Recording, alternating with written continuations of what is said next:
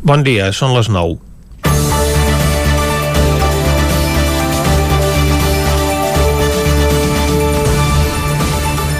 Mentre el risc de rebrot ja supera els 600 punts en el conjunt de Catalunya i s'enfila la xifra de nous contagis, perquè no tot siguin dades negatives al voltant de la pandèmia, ahir arribaven a l'estat espanyol les primeres dosis de la vacuna de Moderna, de les quals 5.000 es destinaran ja aquesta setmana a Catalunya. Autoritzada tot just fa uns dies per l'Agència Europea del Medicament, aquesta vacuna se suma a la que ja s'està administrant de Pfizer amb l'avantatge que és més barata i no s'ha de conservar una temperatura tan extremadament baixa. El Ministeri de Sanitat calcula que en un mes i mig pot rebre al voltant de 600.000 dosis, és a dir, unes, unes 100.000 per setmana. Pel que sembla, aquesta setmana al nostre territori ja es podria haver enllestit la vacunació dels avis de les residències, els seus cuidadors i a bona part del personal sanitari que ho ha demanat, perquè fins i tot en aquest àmbit professional hi ha molt reticent a vacunar-se.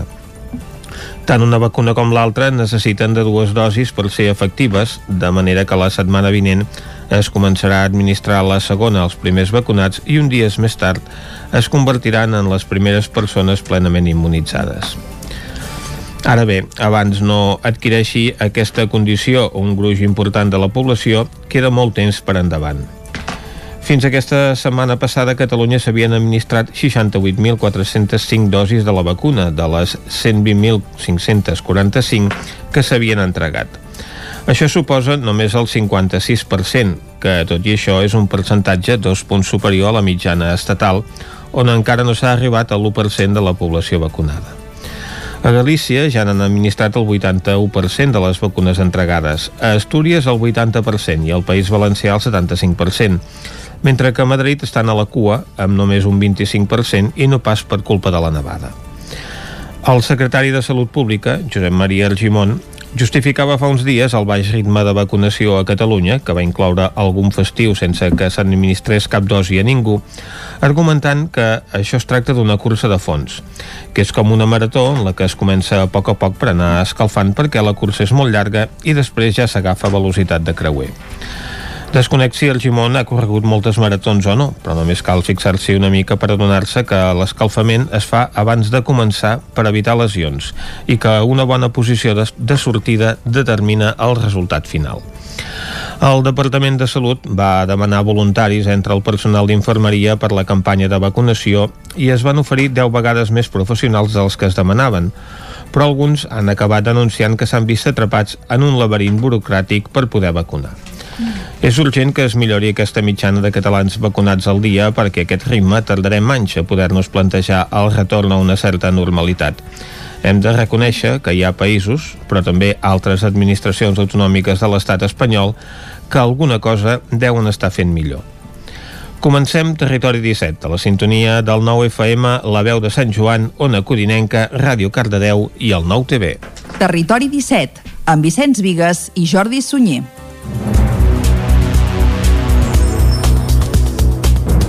Són les 9 i 3 minuts del dimecres, dia 13 de gener de 2021. Comença aquí un nou Territori 17 que avui, durant la primera hora, us acostarà tota l'actualitat de les nostres comarques. Després, a partir de les 10, les seccions habituals dels dimecres. Avui, per exemple, parlarem de literatura, el Lletra Ferits, eh, repassarem l'agenda cultural per aquest cap de setmana, marcat, evidentment, pel confinament municipal, que continua viu i actiu, i també descobrirem avui potser alguna novetat discogràfica d'àmbit nacional nacional d'arreu dels països catalans. Avui potser anirem fins a l'Alguer i tot. Uh, tot això i molt més des d'ara mateix i fins al punt de les 12 del migdia. I com sempre el que fem és arrencar tot fent un repàs a l'actualitat de les nostres comarques, les comarques del Ripollès, Osona, el Moianès i el Vallès Oriental.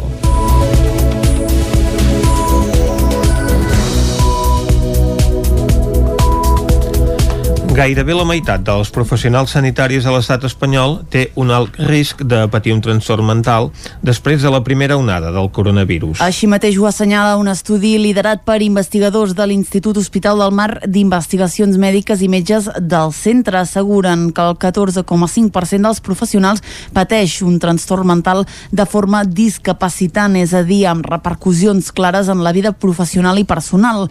L'estudi es basa en dades de més de 9.000 treballadores mesures de 18 centres sanitaris de l'Estat en el marc del projecte Mind Covid. Els símptomes principals són depressió, ansietat, atacs de pànic, trastorn d'estrès posttraumàtic i abús de substàncies. Segons un estudi dels mateixos autors, un 3,5% dels sanitaris ha presentat ideació suïcida activa en l'últim mes. La prevalença dels trastorns mentals és més elevada en el cas de les dones joves que no han nascut a l'estat espanyol i que no estan casades. El col·lectiu de les auxiliars d'infermeria és el que mostra un impacte més gran. Dos de cada tres auxiliars pateixen risc alt per trastorns mentals. En el cas de les infermeres, la meitat es troba en un risc alt. Segons l'estudi, haver presentat un trastorn mental abans de la pandèmia doble el risc de tornar-ne a patir a conseqüència de la Covid-19. També s'observa una prevalença més elevada en aquells professionals que van atendre pacients amb Covid-19 i aquells que han patit la malaltia o amb familiars que es van contagiar. Es vacunen els primers 85 treballadors de l'Hospital de Camp de Bànol i de l'ABS de Ribes Camp de Bànol. Isaac Muntades, des de la veu de Sant Joan.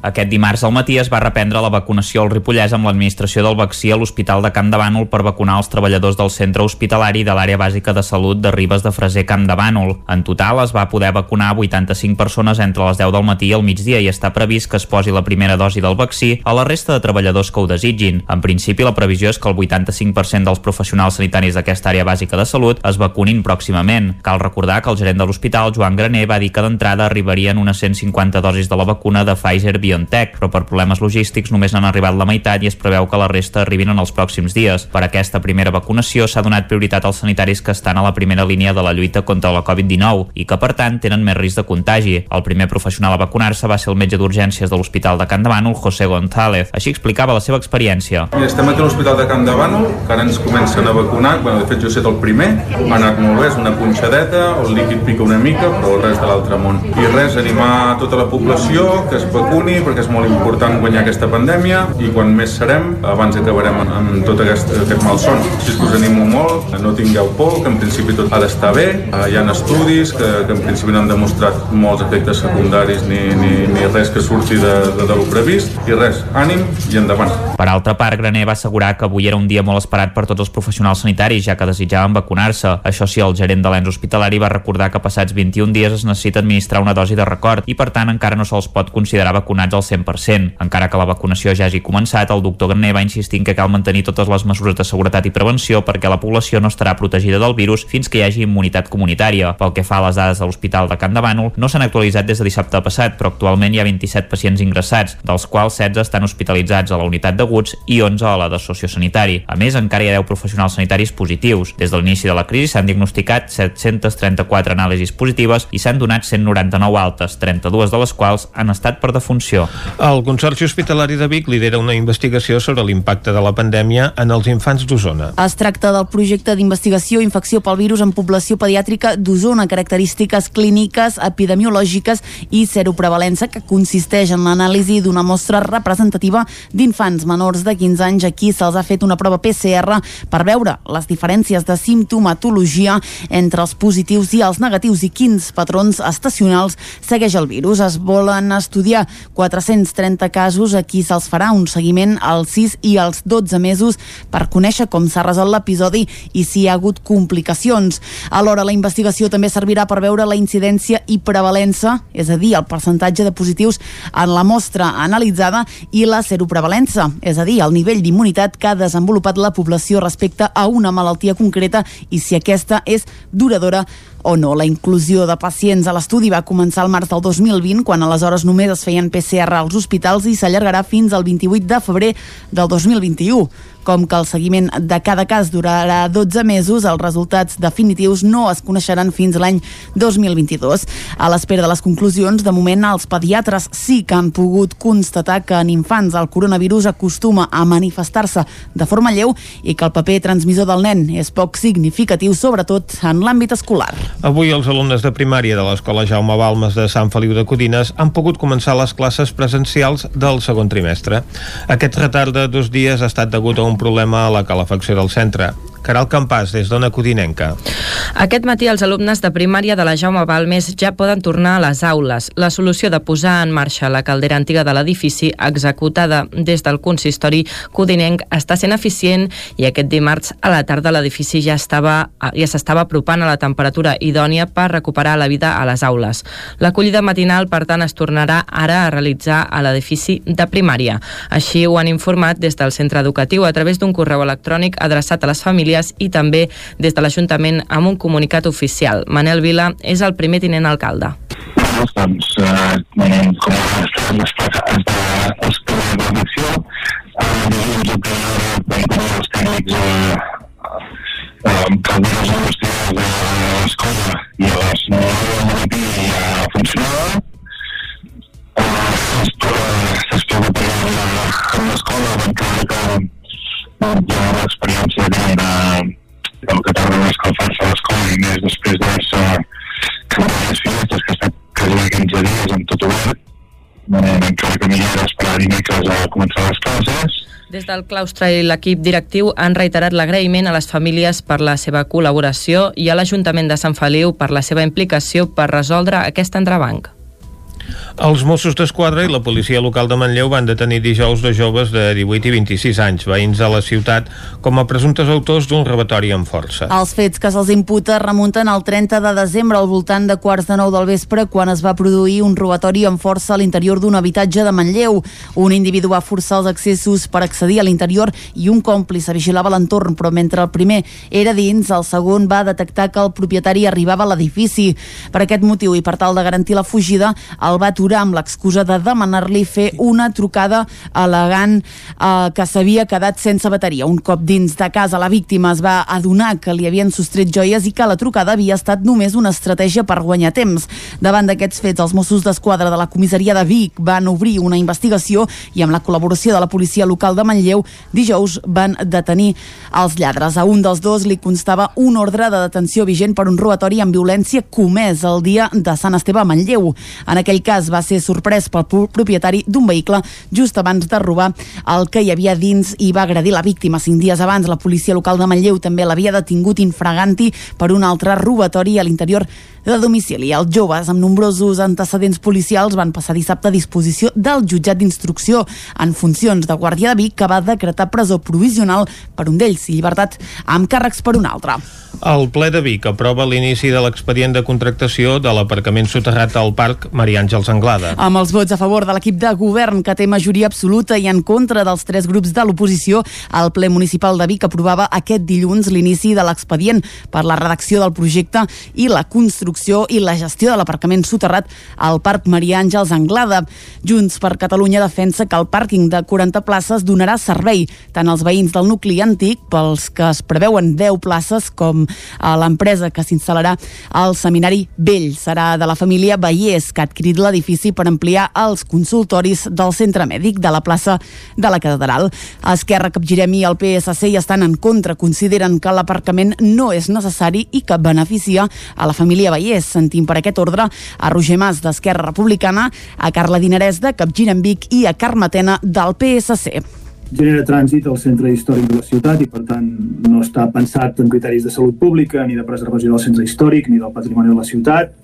En aquest sentit el criteri no sembla el bé comú, sinó més aviat l'interès empresarial.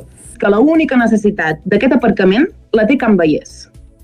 Per tant, considerem que l'informe de necessitat de contracte que pretenen aprovar no és vàlid, donat que no hi ha necessitat de cap aparcament, tal com diu el planejament vigent, i per tant hi van contra volem fer un aparcament paisatgístic a l'entrada del sud de Vic i així anar al centre amb transport públic, limitem a 30 i fem zona amb prioritat pels vianants al casc antic, però llavors volem construir un pàrquing soterrat en aquest mateix nucli. El paquet de la contractació de l'aparcament és de 4 milions i mig d'euros i l'empresa constructora també s'encarregarà del funcionament del pàrquing. Segons la regidora d'Urbanisme, Fabiana Palmero, la convocatòria per la concessió s'obrirà aproximadament d'aquí un mes. Esports. El circuit de Montmeló renova el contracte amb la Fórmula 1 per un any més. David Auladell, de Ràdio Televisió, Cardedeu. El Gran Premi d'Espanya arribarà al Baix Vallès el segon cap de setmana de maig, des del divendres 7 fins al diumenge 9. Amb aquest acord, el traçat Montmeloní vol seguir consolidant-se com un referent mundial al món del motor. Aquesta serà la 31a edició consecutiva d'aquesta prova del Mundial de Fórmula 1 al circuit de Montmeló. Tant la Junta d'Accionistes del circuit com el govern català havien autoritzat abans d'acabar l'any la renovació, que finalment s'ha fet efectiva.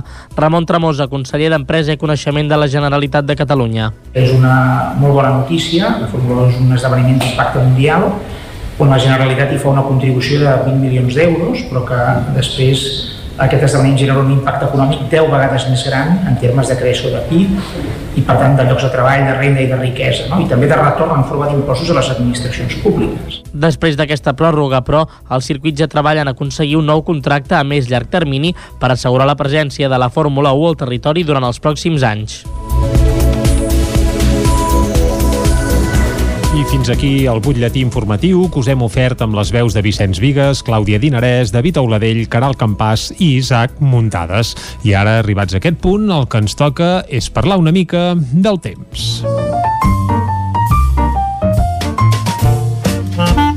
Casa Terradellos us ofereix el temps. I parlar del temps a Territori 17 és sinònim de parlar amb el Pep Acosta. Bon dia, Pep. Hola, molt bon dia. Què tal? Molt bon dimecres a tots. Igualment. Què tal esteu? Anar fent... Avui, a la gent que no us agrada el fred, Mhm. mm -hmm. sí que hem notat un canvi. Les temperatures han pujat, Uh, sense cap mena de dubtes no fa el fred que fa Home. aquestes últimes dues o tres setmanes Potser no.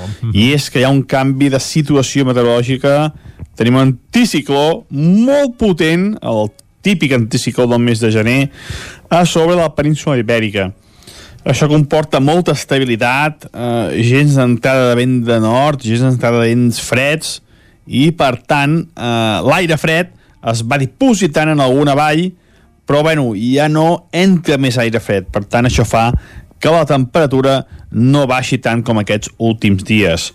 Avui les mínimes més baixes han estat les fondalades. A alta muntanya fins i tot han estat positives les mínimes ja, per tant ja veieu que sempre diem aquest contrast tèrmic, aquesta inversió tèrmica entre les zones més enclotades i les zones més altes quan hi ha anticicló, quan hi ha estabilitat atmosfèrica. Uh, com deia, positives, 2-3 graus a de l'home, també a Baiter, 2-3 graus positius, eh? estem parlant de positius. Fa molts dies que ha glaçat en aquestes zones I tant. i avui hi ha aquest canvi de tendència.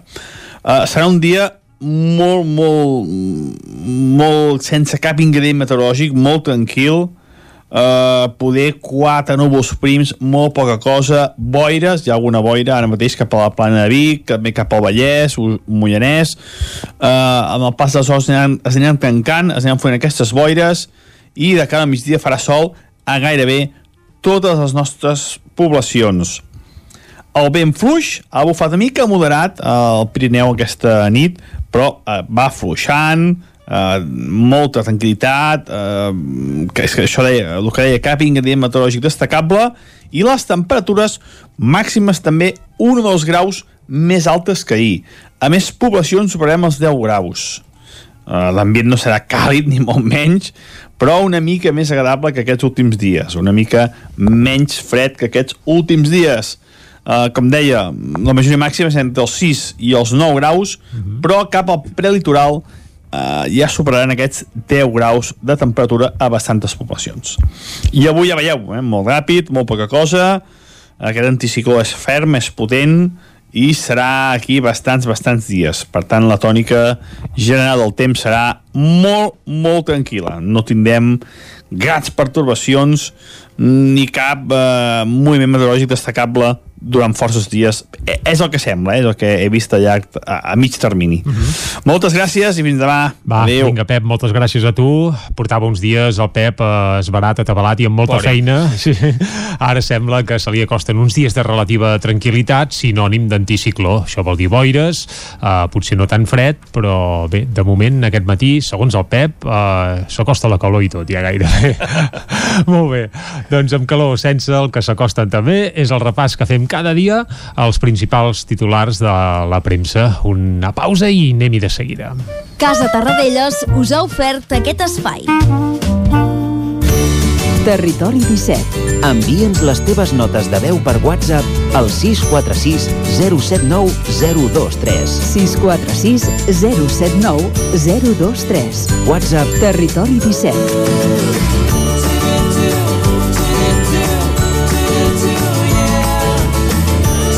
Territori 17. Som a Facebook, Twitter i Instagram amb l'usuari Territori 17.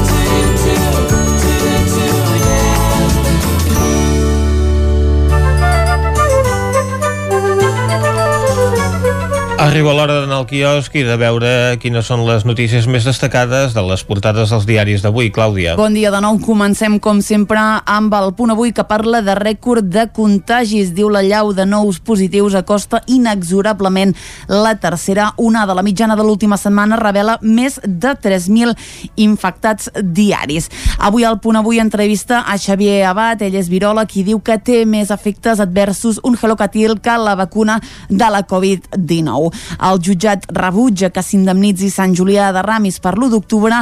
Els lletrats del Congrés ara admeten que s'investigui el rei emèrit i la nevada causa estralls en el cultiu d'oliveres.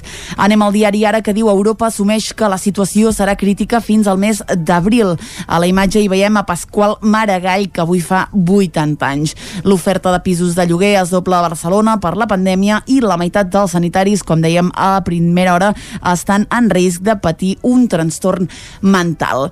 El periòdico hi torna a veure a Pasqual Maragall, eh, tot i que el titular diu la Generalitat obre el debat d'ajornar les eleccions al mes de maig. També parla d'almenys 18 sense sostre que han mort al carrer en un any i parla de la història de Mine i Mohamed, que són els dos joves que van morir aquesta setmana a Barcelona. En clau internacional, Trump vaticina una ira immensa si és jutjat. Anem a l'avantguàrdia que diu el govern prepara el terreny per un possible endarreriment electoral.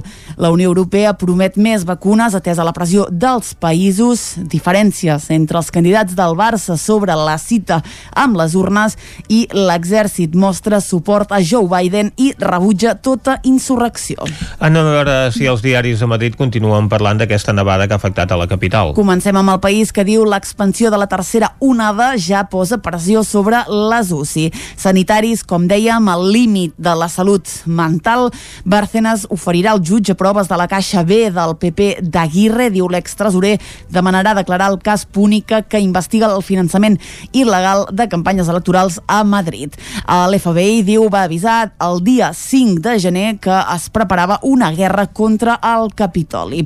Anem al Mundo que diu Podemos s'inhibeix del temporal i fa oposició interna al Partit Socialista. Sánchez eh, s'abraça a la popularitat de la unitat militar d'emergències. Marlaska molesta amb Robles per l'ajuda a Madrid sense eh, consultar-li i diu la tercera onada avança a un ritme imparable. A la raó suspesa la gestió Sánchez i reprovació als socis. Només la presidenta Calviño i la ministra de Defensa aconsegueixen aprovar. Pedro Sánchez visita la UME en plena guerra de Marlaska contra Robles i investiguen l'arribada de més jihadistes en Patera. Acabem, com sempre, amb l'ABC, que a la part superior, diu Sánchez, s'enfronta als seus en la seva pugna contra Madrid. A la part inferior hi veiem a Donald Trump, que diu es refugia en el mur de l'assetjament judicial dels demòcrates. Les possibilitats de que les eleccions del 14 de febrer s'ajornin és un tema que plana en l'actualitat política d'aquesta setmana. Divendres s'ha de prendre la decisió en una reunió amb la participació de tots els partits que concorren en aquestes eleccions. És un tema que ocupa la portada de diaris com el Periódico o La Vanguardia. Avui a La Vanguardia eh, apareix una foto de la Guàrdia Nacional davant del Capitoli, una foto semblant a la que treia ahir el periòdico en portada, amb aquest titular de que l'exèrcit doncs, mostra el seu suport a Joe Biden.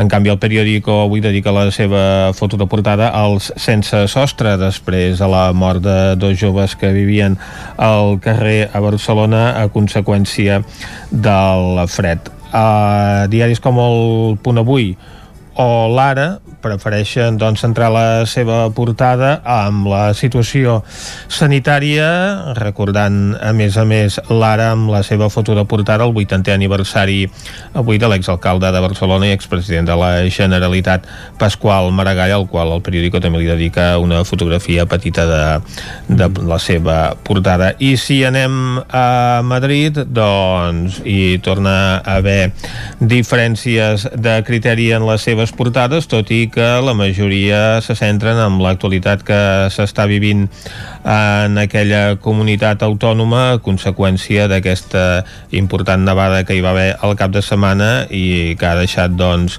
la ciutat congelada i amb molts dels seus serveis sense poder funcionar amb normalitat veiem el president de, del govern espanyol Pedro Sánchez i la ministra de Defensa davant de la unitat militar d'emergències a la portada de El Mundo. També apareix a la Razón aquesta visita del president espanyol en aquest cas amb una fotografia interior el país també es refereix a la nevada en la seva fotografia de portada, però en aquest cas escullen una imatge de Molina d'Aragón i el l'ABC... fa molt fred, per cert, Vicenç. Mana? I fa molt fred, eh? A Molina sí. d'Aragón. Eh, això, això queda, queda clar.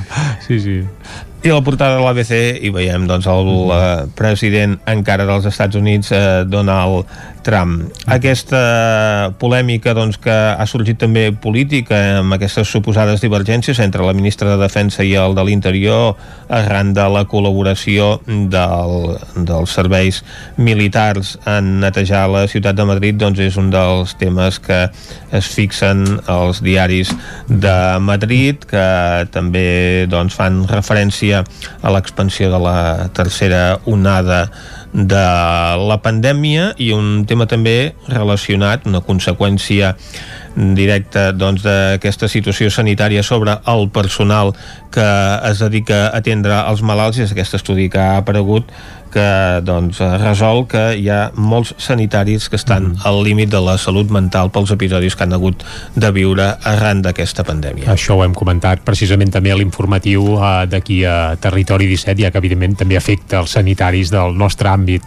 geogràfic. Esperem que no sigui res. De moment el que toca, Vicenç, és fer una breu pausa i tornem a dos quarts en punt amb més informació. Fins ara. El nou FM, la ràdio de casa, al 92.8. Són temps de reptes. És per això que des de la Fogonera en tenim tres. Sardí arrossos d'estrella per emportar i a un preu de justícia. I ara tasta els nostres menús per empreses, per Nadal i per Cap d'Any, fàcil, segur i boníssims. La cuina en directe des de GURB, on encarregues, ho vens a buscar i ara també t'ho portem a casa. La Fogonera, la rosseria de paelles per emportar a GURB. Telèfon 93 851 55 75. lafogonera.cat i quan cau la nit, Pupurri Culinari. Solucions per divendres i dissabte nit. Pizza, burgers i molt més. Entra a pupurriculinari.cat i tria. Cobertes serveis funeraris. Els nostres tanatoris estan ubicats en els nuclis urbans més poblats de la comarca d'Osona per oferir un millor servei. Tanatori de Vic, Tanatori de Manlleu, Tanatori de Centelles i Tanatori de Roda de Ter. Sabem que són moments difícils i per això el nostre compromís és atendre-us en tot moment amb un tracte humà, sensible i respectuós. Cobertes serveis funeraris. Telèfon 24 hores 93 883 23 46. Anuncia't al 9FM. La màquina de casa. 9 3 8 8 9 4 9 4 9. Publicitat arroba al 9FM.cat. Anuncia't al 9FM. La publicitat més eficaç. Només pensar en passar aquesta nit sense calefacció amb aquest fred? No es preocupi, hem analitzat a fons la caldera i de seguida quedarà reparada i en funcionament. Quan tingui un problema amb la seva caldera, vagi directament a la solució. Truqui sempre al servei tècnic oficial de Saunier Duval i despreocupis, perquè som fabricants i coneixem les nostres calderes peça a peça. Informis a Oficiat Nord trucant al 938860040. Saunier Duval, sempre al seu costat. Passema, comercial de maquinària i utillatges amb més de 50 anys al vostre servei. Visiteu la nostra botiga i trobareu productes de gran qualitat. Passema, som al polígon Sot dels Pradals, al carrer Cervera 10 de Vic. Telèfon 93 885 32 51. Us desitgem bones festes. C Cosmètics, el vostre distribuïdor de perruqueria i cosmètica bio de la comarca, us agraeix la confiança de tots aquests anys i us convida a visitar la nova botiga online www.ccosmetics.net us obsequiem amb un 10% de descompte en la vostra primera compra. També podeu recollir les vostres comandes al carrer Nord, número 2, baixos de Vic. I ara, nou servei d'articles anticovid, dirigit a empreses. Us El 9 FM, la ràdio de casa, al 92.8.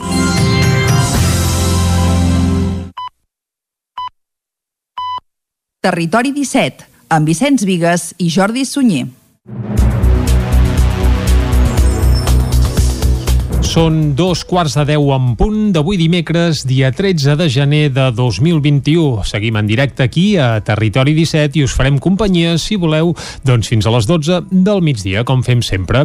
Ara el que farem de seguida és acostar-vos de nou l'actualitat de totes les nostres comarques i després, a partir de les 10, més informació i les seccions habituals del dimecres. Avui, per exemple, anirem al Lletra Ferits, parlant de literatura. També ho farem, per cert, des d'Ona Codinenca.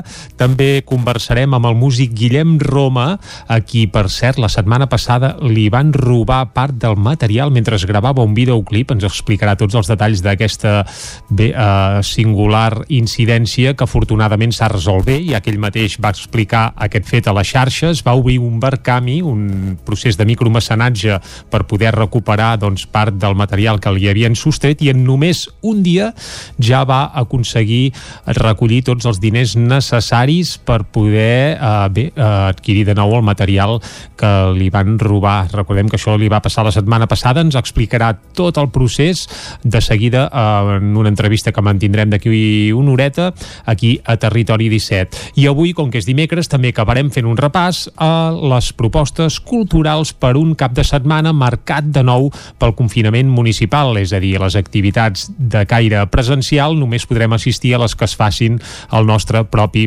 municipi. Això ho farem a la part final d'un territori 17 que ara segueix acostant-vos de nou la informació de totes les nostres comarques, les comarques del Ripollès, Osona, el Moianès i el Vallès Oriental.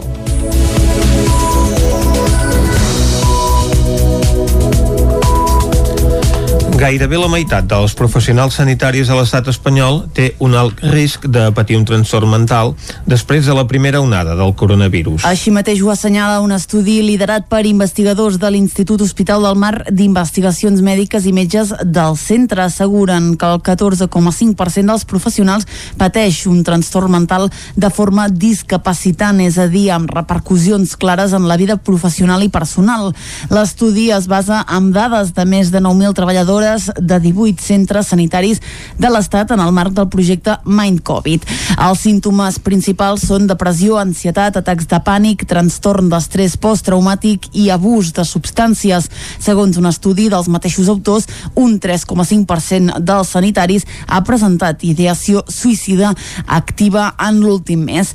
La prevalença dels trastorns mentals és més elevada en el cas de les dones joves que no han nascut a l'estat espanyol i que no estan casades.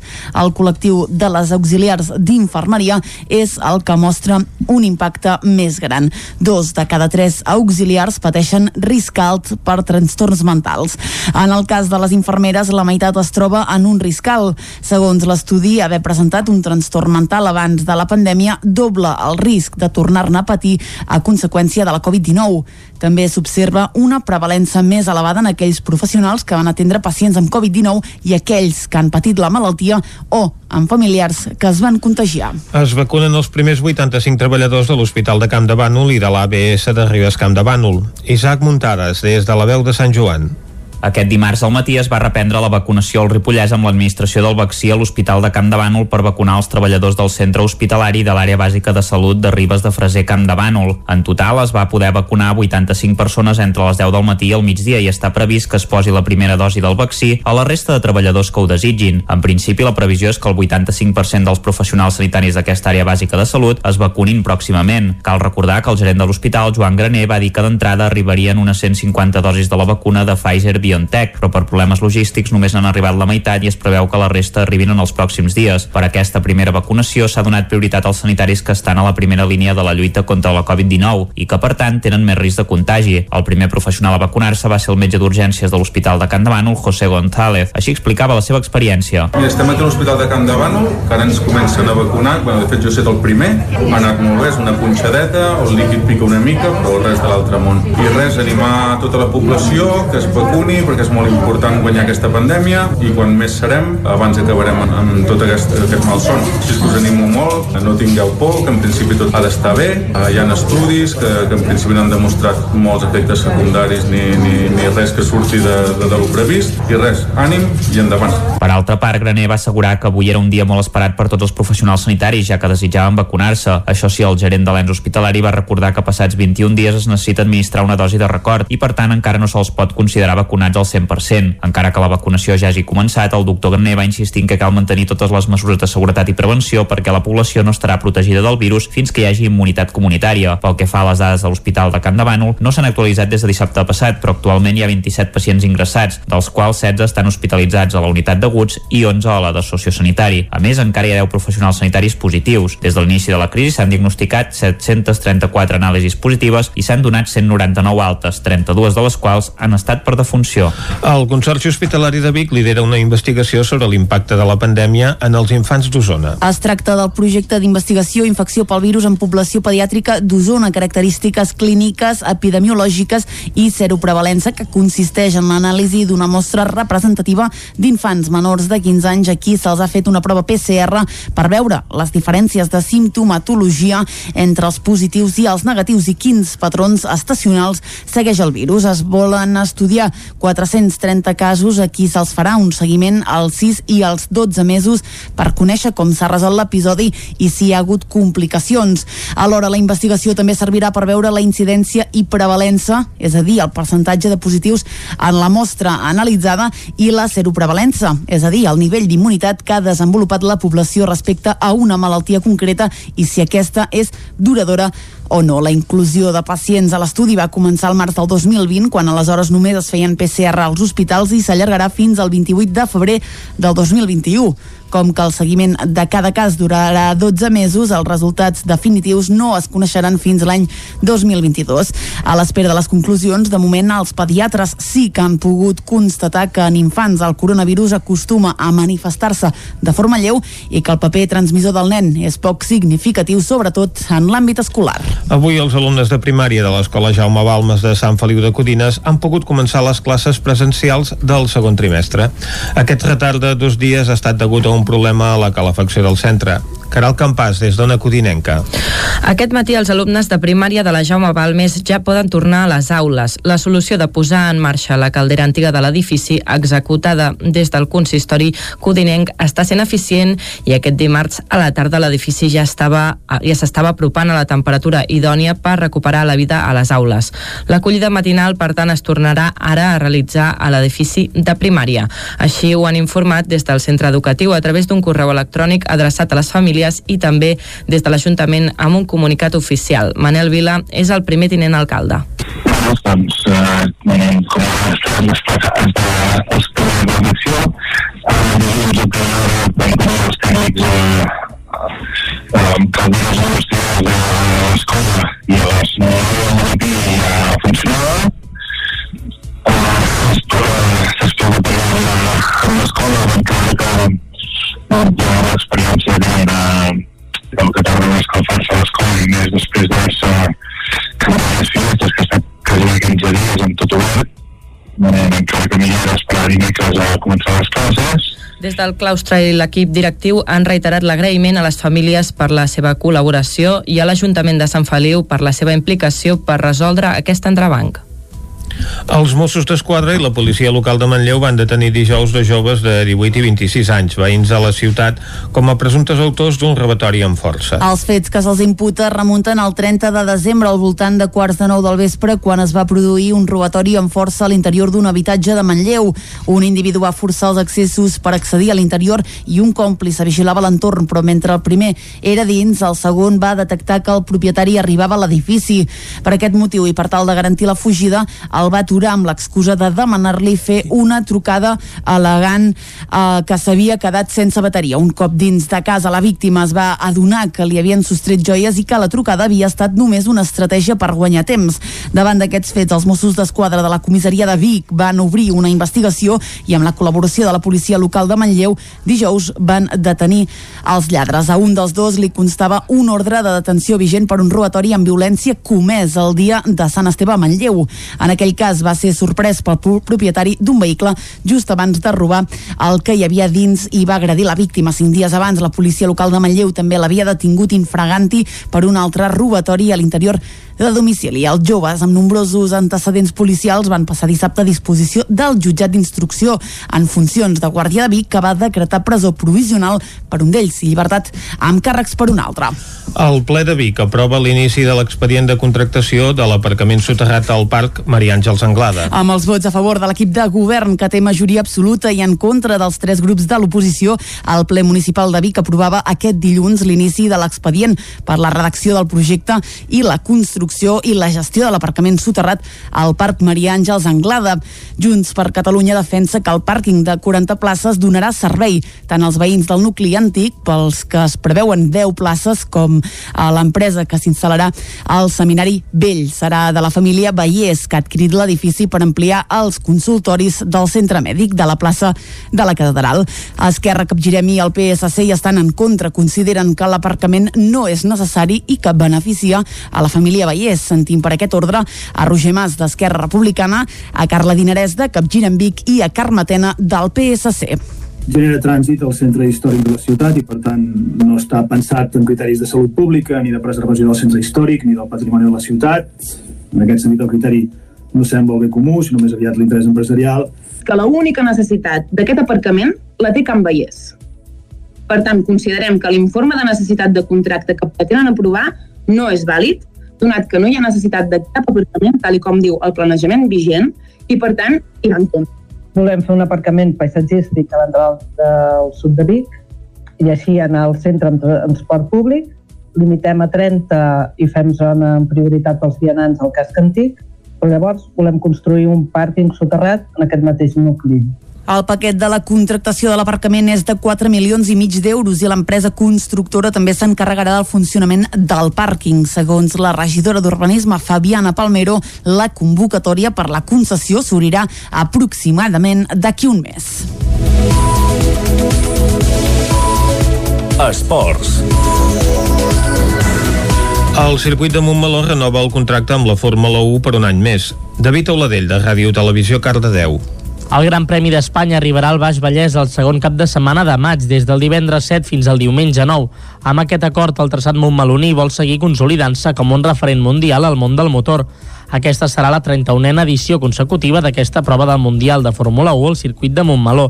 Tant la Junta d'Accionistes del circuit com el govern català havien autoritzat abans d'acabar l'any la renovació, que finalment s'ha fet efectiva.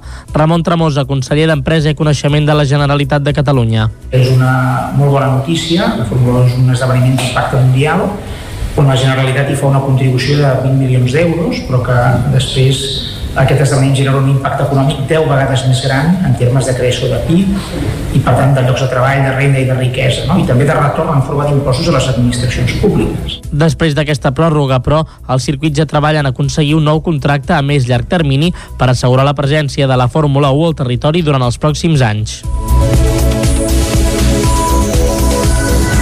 I fins aquí el butlletí informatiu que us hem ofert amb les veus de Vicenç Vigues, Clàudia Dinarès, David Auladell, Caral Campàs i Isaac Muntades. I ara, arribats a aquest punt, el que ens toca és parlar una mica del temps.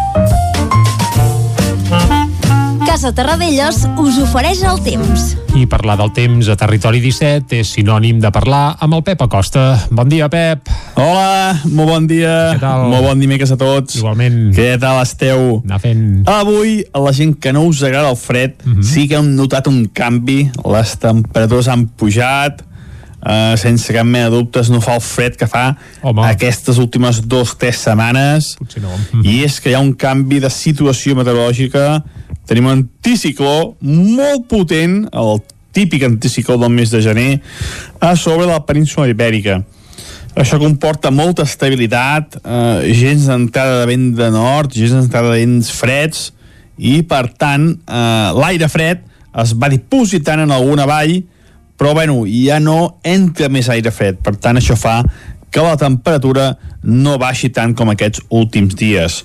Avui les mínimes més baixes han estat les fondalades. A alta muntanya fins i tot han estat positives les mínimes ja. Per tant, ja veieu que sempre diem aquest contrast tèrmic, aquesta inversió tèrmica entre les zones més enclotades i les zones més altes quan hi ha anticicló, quan hi ha estabilitat atmosfèrica. Uh, com deia, positives, 2-3 graus d'autor de l'home, també a Baiter, 2-3 graus positius, eh? estem parlant de positius, fa molts dies que ha glaçat en aquestes zones I tant. i avui hi ha aquest canvi de tendència.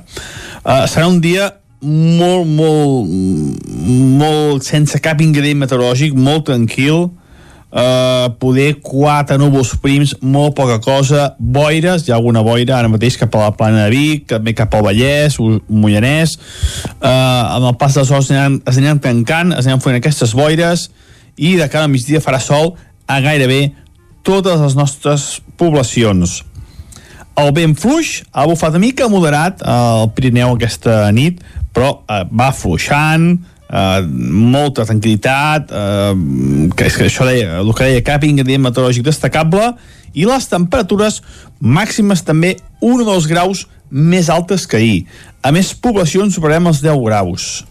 Uh, l'ambient no serà càlid ni molt menys però una mica més agradable que aquests últims dies una mica menys fred que aquests últims dies uh, com deia, la majoria màxima és entre els 6 i els 9 graus però cap al prelitoral uh, ja superaran aquests 10 graus de temperatura a bastantes poblacions i avui ja veieu, eh, molt ràpid molt poca cosa aquest anticicló és ferm, és potent i serà aquí bastants, bastants dies. Per tant, la tònica general del temps serà molt, molt tranquil·la. No tindrem grans pertorbacions ni cap eh, moviment meteorològic destacable durant forces dies. Eh, és el que sembla, eh, és el que he vist a llarg, a, a mig termini. Moltes gràcies i fins demà. Va, Adéu. vinga, Pep, moltes gràcies a tu. Portava uns dies el Pep eh, esbarat, atabalat i amb molta Pobre. feina. Sí. Ara sembla que se li acosten uns dies de relativa tranquil·litat, sinònim d'anticicló. Això vol dir boires, eh, potser no tan fred, però bé, de moment, aquest matí, segons el Pep, eh, s'acosta la calor i tot, ja gairebé. Molt bé. Doncs amb calor, sense el que s'acosten també, és el repàs que fem cada dia als principals titulars de la premsa. Una pausa i anem-hi de seguida. Casa Tarradellas us ha ofert aquest espai. Territori 17. Envia'ns les teves notes de veu per WhatsApp al 646 079 023. 646 079 023. WhatsApp Territori 17.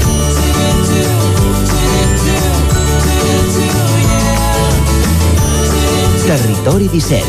Som a Facebook, Twitter i Instagram amb l'usuari Territori 17.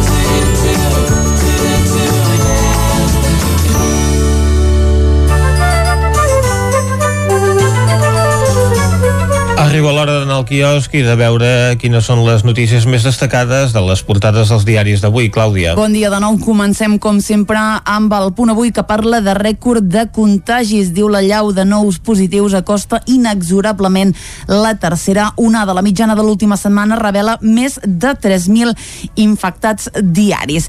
Avui al punt avui entrevista a Xavier Abad, ell és viròleg i diu que té més efectes adversos un gelocatil que la vacuna de la Covid-19. El jutjat rebutja que s'indemnitzi Sant Julià de Ramis per l'1 d'octubre. Els lletrats del Congrés ara admeten que s'investigui el rei emèrit i la nevada causa estralls en el cultiu d'oliveres. Anem al diari ara que diu Europa assumeix que la situació serà crítica fins al mes d'abril. A la imatge hi veiem a Pasqual Maragall, que avui fa 80 anys. L'oferta de pisos de lloguer es dobla a Barcelona per la pandèmia i la meitat dels sanitaris, com dèiem a primera hora, estan en risc de patir un trastorn mental. El periòdico hi torna a veure a Pasqual Maragall, eh, tot i que el titular diu la Generalitat obre el debat d'ajornar les eleccions al mes de maig. També parla d'almenys 18 sense sostre que han mort al carrer en un any i parla de la història de Mine i Mohamed, que són els dos joves que van morir aquesta setmana a Barcelona. En clau internacional, Trump vaticina una ira immensa si és jutjat. Anem a l'avantguàrdia que diu el govern prepara el terreny per un possible endarreriment electoral. La Unió Europea promet més vacunes atesa la pressió dels països, diferències entre els candidats del Barça sobre la cita amb les urnes i l'exèrcit mostra suport a Joe Biden i rebutja tota insurrecció. Anem a veure si els diaris de Madrid continuen parlant d'aquesta nevada que ha afectat a la capital. Comencem amb el país que diu l'expansió de la tercera onada ja posa pressió sobre les UCI. Sanitaris, com dèiem, al límit de la salut mental. Bárcenas oferirà al jutge proves de la caixa B del PP d'Aguirre, diu l'extresorer, demanarà declarar el cas Púnica que investiga el finançament il·legal de campanyes electorals a Madrid. L'FBI diu va avisar el dia 5 de gener que es preparava una guerra contra el Capitoli. Anem al Mundo que diu Podemos s'inhibeix del temporal i fa oposició interna al Partit Socialista. Sánchez eh, s'abraça la popularitat de la unitat militar d'emergències. Marlaska molest amb Robles per l'ajuda a Madrid sense eh, consultar-li i diu la tercera onada avança a un ritme imparable. A la raó suspesa la gestió Sánchez i reprovació als socis. Només la presidenta Calviño i la ministra de Defensa aconsegueixen aprovar. Pedro Sánchez visita la UME en plena guerra de Marlaska contra Robles i investiguen l'arribada de més jihadistes en Patera. Acabem, com sempre, amb l'ABC, que a la part eh, superior, diu Sánchez, s'enfronta als seus en la seva pugna contra Madrid. A la part inferior hi veiem a Donald Trump, que diu es refugia en el mur de l'assetjament judicial dels demòcrates.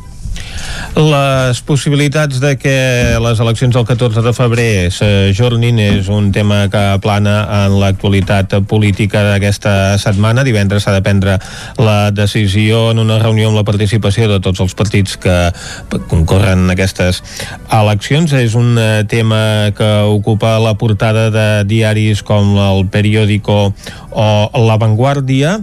Avui a La Vanguardia eh, apareix una foto de la Guàrdia Nacional davant del Capitoli, una foto semblant a la que traia ahir el periòdico en portada, amb aquest titular de que l'exèrcit doncs, mostra el seu suport a Joe Biden. En canvi, el periòdico avui dedica la seva foto de portada als sense sostre, després de la mort de dos joves que vivien al carrer a Barcelona a conseqüència del fred. Uh, diaris com el Punt Avui o l'Ara prefereixen doncs, centrar la seva portada amb la situació sanitària, recordant a més a més l'ara amb la seva foto de portada el 80è aniversari avui de l'exalcalde de Barcelona i expresident de la Generalitat Pasqual Maragall, al qual el periòdico també li dedica una fotografia petita de, de la seva portada. I si anem a Madrid, doncs hi torna a haver diferències de criteri en les seves portades, tot i que la majoria se centren en l'actualitat que s'està vivint en aquella comunitat autònoma a conseqüència d'aquesta important nevada que hi va haver al cap de setmana i que ha deixat doncs la ciutat congelada i amb molts dels seus serveis sense poder funcionar amb normalitat veiem el president de, del govern espanyol Pedro Sánchez i la ministra de Defensa davant de la unitat militar d'emergències a la portada de El Mundo. També apareix a la Razón aquesta visita del president espanyol en aquest cas amb una fotografia interior el país també es refereix a la nevada en la seva fotografia de portada, però en aquest cas escullen una imatge de Molina d'Aragón i On hi fa l'ABC molt de fred, per cert, Vicenç. Mana? I fa molt fred, eh? A Molina sí. d'Aragón. Eh, això això queda, queda clar. Sí, sí.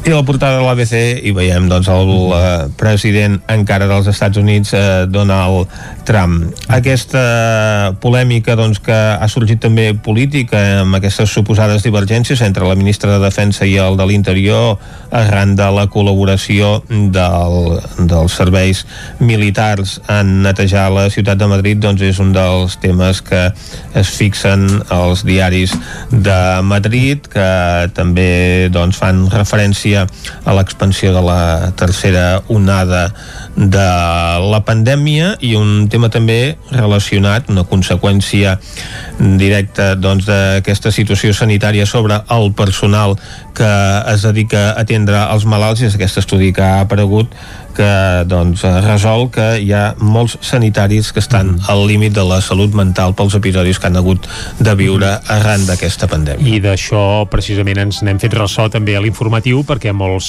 sanitaris evidentment són del territori 17 i Vicenç ara el que farem és encetar el bloc musical i avui tenim un doblet d'estrenes d'estrenes d'aquelles mundials eh? uh, començarem per la que ens queda més lluny que és la d'un gironí que es diu Lluís Costa uh, que ara ha batejat el seu nou projecte com a LU, L-U-W baixa, L-U-W baixa. Pareu-hi bé l'orella perquè és una proposta així d'aire pop molt interessant. I per qui no conegui el Lluís Costa, doncs el Lluís Costa és un guitarrista molt conegut perquè ha acompanyat, quan l'Adrià Puntí, per exemple, va en banda, el guitarrista de capçalera és, és ell, el Lluís Costa, també havia acompanyat els Kids durant una bona colla d'anys, per tant, un dels grups bé, almenys dels meus grups de capçalera, ja ho deixo anar directament, també havia tocat amb els Pulpopop, amb Costa 59, i ara això, enceta el seu propi projecte en solitari, amb un disc que per cert es publicarà aquest divendres, per tant nosaltres en preestrenem eh, un fragment d'una de les peces, el que serà el seu primer single, que es diu Mil planetes, una cançó pop mm, molt adient per aquests mesos d'hivern per posar una mica d'alegria i de caliu. N'escoltem un fragment i després eh, tenim encara una altra estrena mundial preparada aquí a Territori 17 d'un músic més nostrat, eh? concretament de Roda de Ter. D'aquí un minut desvetllarem qui és. Ara una mica de Lluís Costa amb aquest seu nou projecte que es titula L'1, L-U-W baixa i el seu nou disc es titularà Viatge a la immensitat. En aquest disc hi ha peces com aquest Mil planetes. dies fa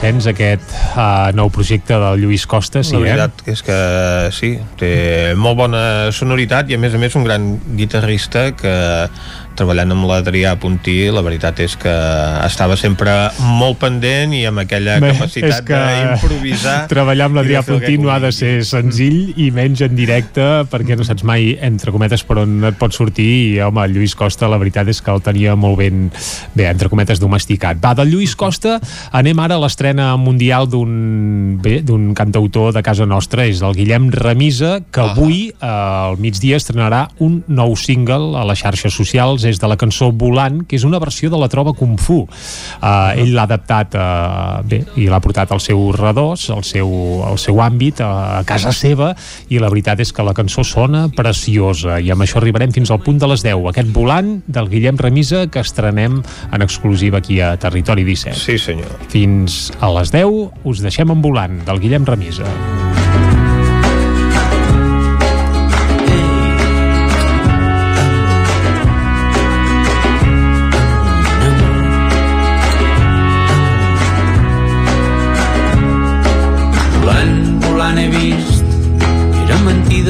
Lleis dels homes. Volant, volant he vist Era veritat les cançons de dones. Volant, volant he vist Que s'esveïa tota frontera. Volant, volant he vist. A la tristesa hi ha un puntet de guerra, l'aire és la companyia i el foc vol sabidoria. I l'aigua amaga la vida i la terra amb la panxa crida i el serè m'enganyo el soc ara i el riure i el plor són germans. I l'odi pes mort dels grans els capgrossos fa caps i granys. Mm.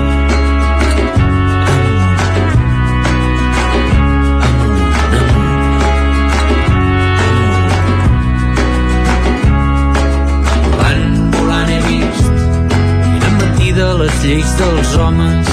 Volant, volant he vist cantat les cançons de dones. Volant, volant he vist que s'esveïa tota frontera. Volant, volant he vist que la tristesa hi ha un puntet de guerra. Que tot flota amb desig d'acostar-se i atraure els altres. Que no em passa res d'estrany que no li passi una estrella llunyana. Sóc un tresor preciós com la sardina i la marihuana si vol amb els ulls oberts. Veig un miracle aquí en cada passa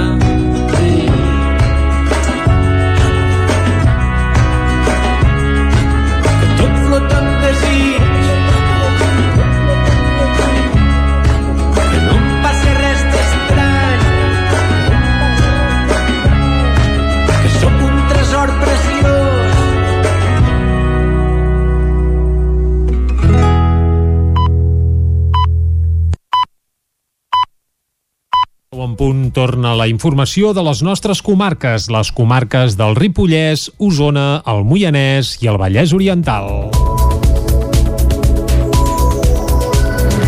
El ple de Vic aprova l'inici de l'expedient de contractació de l'aparcament soterrat al Parc Maria Àngels Anglada. Amb els vots a favor de l'equip de govern que té majoria absoluta i en contra dels tres grups de l'oposició, el ple municipal de Vic aprovava aquest dilluns l'inici de l'expedient per la redacció del projecte i la construcció i la gestió de l'aparcament soterrat al Parc Maria Àngels Anglada. Junts per Catalunya defensa que el pàrquing de 40 places donarà servei tant als veïns del nucli antic pels que es preveuen 10 places com a l'empresa que s'instal·larà al Seminari Vell. Serà de la família Vallès que ha adquirit l'edifici per ampliar els consultoris del centre mèdic de la plaça de la Catedral. Esquerra Capgirem i el PSC hi estan en contra. Consideren que l'aparcament no és necessari i que beneficia a la família Vallès. Sentim per aquest ordre a Roger Mas d'Esquerra Republicana, a Carla Dinarès de Capgirem Vic i a Carme Tena del PSC genera trànsit al centre històric de la ciutat i per tant no està pensat en criteris de salut pública ni de preservació del centre històric ni del patrimoni de la ciutat en aquest sentit el criteri no sembla el bé comú sinó més aviat l'interès empresarial que la única necessitat d'aquest aparcament la té Can Vallès. Per tant, considerem que l'informe de necessitat de contracte que pretenen aprovar no és vàlid, donat que no hi ha necessitat de cap aparcament, tal com diu el planejament vigent, i per tant, hi va en compte. Volem fer un aparcament paisatgístic a l'entrada del sud de Vic i així anar al centre amb transport públic, limitem a 30 i fem zona amb prioritat pels vianants al casc antic, però llavors volem construir un pàrquing soterrat en aquest mateix nucli. El paquet de la contractació de l'aparcament és de 4 milions i mig d'euros i l'empresa constructora també s'encarregarà del funcionament del pàrquing. Segons la regidora d'Urbanisme, Fabiana Palmero, la convocatòria per la concessió s'obrirà aproximadament d'aquí un mes. L'Ajuntament de Caldes de Montbui obre la porta a la privatització d'equipaments públics. Caral Campàs, des d'Ona Codinenca. A l'últim ple extraordinari de Caldes i només amb els vots favorables de l'equip de govern d'Esquerra, l'Ajuntament va aprovar una modificació puntual del Pla d'Ordenació Urbanística Municipal. Aquesta nova regulació permet flexibilitzar la titularitat en determinats equipaments per tal que puguin ser tant públics com privats. De fet, s'obre la porta a la possibilitat de la privatització no només de la gestió, sinó també de la titularitat. Tot i això, la modificació no planteja cap canvi en relació amb la qualificació del sol ni es plantegen variacions en les seves extensions. Segons el govern, amb la modificació es dona l'oportunitat que alguns equipaments puguin tenir sortida no només amb iniciativa pública, sinó també d'entitats privades. Sentim Isidre Pineda, alcalde de Caldes. No han entrat a valorar quin és el projecte que s'ha de fer a les cremades. No és àmbit d'aquest punt. Um, simplement estem dient que aquells terrenys podrien tenir també una sortida privada. I precisament per això, perquè l'Ajuntament ara no té la voluntat d'expropiar aquests mateixos terrenys i difícilment la tindrà en un termini relativament eh, proper. Els equipaments afectats són la zona del pavelló Les Cremades, un solar adjacent al Parc de Can Rius previst en un futur com una zona balneària de nova creació, la zona Mas Manolo previst com a equipament cultural i un solar al carrer Torre Sayol com a sociocultural l'Ajuntament arriba a un acord econòmic amb la part demandant perquè el bloc de pisos del carrer Hortes de Camp de Bànol no s'hagi d'enderrocar. Isaac Muntades és de la veu de Sant Joan. El bloc de pisos del carrer Hortes de Can de Bànol no s'haurà d'enderrocar després de 14 anys de litigi judicial. L'Ajuntament, la part demandant i els veïns de l'immoble han arribat a un acord per tal d'evitar aquest desenllaç que hagués suposat tirar a terra 18 pisos i, segons va dir l'alcaldessa Dolors Costa, una catàstrofe econòmica pel municipi. Per entendre les dimensions del problema cal retrocedir fins a l'any 2006. Llavors, un informe tècnic va concedir la llicència d'obres per construir l'edifici, però alguns veïns de l'immoble del costat van demandar la constructora i el consistori perquè el nou bloc de pisos no respectava la distància reglamentària que hi havia d'haver entre les dues edificacions edificacions. El 2009 una sentència va obligar a enderrocar-lo perquè deia que la llicència estava mal donada. A finals del desembre de l'any 2019 i després de mil i una batalles judicials, el consistori va aprovar en un ple extraordinari un aval bancari de més de 2 milions d'euros per complir amb la interlocutòria del jutjat de primera instància número 1 de Girona per tal d'indemnitzar pels danys a tercers de bona fe, els que havien comprat un habitatge abans de la sentència. Costa explicava què podia suposar no haver arribat a un acord. Això hagués anat a terra, perquè bueno, això teníem el tiro assegurat que anava a terra. Això per l'Ajuntament hagués suposat entre 2 i entre 2-3 milions d'euros, això segur, eh? Això només la primera part, eh? Perquè llavors, bueno, segurament que haguessin, ens haguessin demanat danys i prejudicis tothom que hagués pogut i més. El, que hauríem d'haver pagat per l'enderroc d'això és pràcticament el que és el pressupost de l'Ajuntament de Can Davant, que ens anàvem, eh, hipotecàvem el poble de Can Davant. I això hagués passat. I això poder no hagués passat a dintre la legislatura aquesta meva, perquè ja saps que tot això de la justícia es va retrasant. El que passa que jo sempre ho dic, que quan es governa, s'ha de governar al moment actual i s'ha de governar també mirant en el futur. Clar, jo he rebut aquí una herència enverinada, enverinada, una batada calenta, que m'ha caigut de plena a mi. El consistori va decidir asseure's de nou amb la part demandant per arribar a un acord i després de moltes negociacions pagarà un import econòmic molt menor que no ha transcendit a tall de compensació a la part demandant que podrà abonar en diversos anys. En el ple de pressupostos que s'ha de fer aquest gener ja s'inclourà una partida en aquest sentit, tot i que Costa va dir que estan negociant amb l'asseguradora del consistori i és probable que la pòlissa es faci càrrec d'una part de l'import a pagar. De moment ja s'ha demanat la suspensió de tot el contenciós dient-li al jutge que ja han arribat a un acord i aquest ha de donar-hi el vistiplau, ja que encara podria tombar-ho. Costa també es va queixar de la feina feta pels advocats del despatx Garrigues contractats en l'anterior mandat. Aquesta gent molta marca, però tant se'ls hi fot, dir, han plat amb una deixadesa total i absoluta i ara pretenien, doncs, per continuar el procés i anar cap al Suprem, doncs cobrant una quantitat que jo vaig dir que no estava disposada a pagar ni molt menys, en vista doncs, de, de la negligència amb la que vaig veure que, que havien actuat i vaig veure tota una sèrie de coses pues, que no em van semblar correctes i vaig decidir doncs, donar-li la volta. Vaig decidir que aquesta gent l'únic que volien era guanyar diners. Aquest fet va passar cap al mes de novembre i van haver de buscar un altre advocat. Quatre ballesans més acompanyaran Salvador Illa de la Roca del Vallès a la seva llista per Barcelona a les eleccions el 14 de febrer. David Auladell, de Ràdio Televisió, Cardedeu. El Partit Socialista de Catalunya ja ha presentat les seves llistes i tot i que el candidat a presidir la Generalitat per part dels socialistes sigui Salvador Illa, ballesà veí de la Roca del Vallès, no serà l'únic de la comarca candidat a tenir un escó al Parlament. Jordi Terrades, regidor d'Hisenda i sisè tinent d'alcalde de l'Ajuntament de Granollers, ocuparà la posició número 13 de les llistes per Barcelona. Terrades té experiència a la cambra, ja que ha estat diputat pels socialistes des del 2001. L'acompanyarà la molletana Mireia Dionisio com a número 24. Actualment és primera tinenta d'alcaldia a l'Ajuntament de Mollet del Vallès i milita al partit des del 2003. El llinasenc Joan Ramon Bernabé ocuparà la posició 29 de la llista. És cap de la posició a l'Ajuntament de Llinars d'aquesta legislatura. Conchi Jiménez de la Llagosta serà la número 42 a la llista. Detingut per robar tres cops en una botiga canàbica de Vic. Els Mossos van detenir diumenge un home de 31 anys i veí de Santa Eugènia de Berga com a presumpte autor de dos delictes de robatori amb força i un delicte de robatori amb violència. La detenció és el resultat d'una investigació oberta el passat mes d'agost arran de dos robatoris amb força en un mateix establiment de Vic, una botiga canàbica. El primer fet es va produir el 19 de juliol pels vols de les 3 de la matinada. La central d'alarma es va avisar al propietari de l'establiment que quatre individus havien accedit a l'interior. Els lladres es van emportar diners en efectiu i substàncies vegetals que tenen a la venda. El segon va ser el 25 d'agost, cap a dos quarts de set del matí. Novament, la central d'alarmes va avisar el propietari que algú havia entrat a l'establiment. En aquesta ocasió, els lladres es van endur estris que van ser localitzats al local del costat i retornats al propietari. El 9 de setembre, pels vols de les 9 de la nit, es va produir un robatori amb violència i intimidació. Aprofitant la sortida de l'últim client, els lladres tapats amb passamuntanyes van entrar a l'establiment i van amenaçar el propietari amb una arma de foc que va resultar ser simulada. En aquesta ocasió, els lladres van sostreure diners en efectius i 50 grams de capdells de marihuana.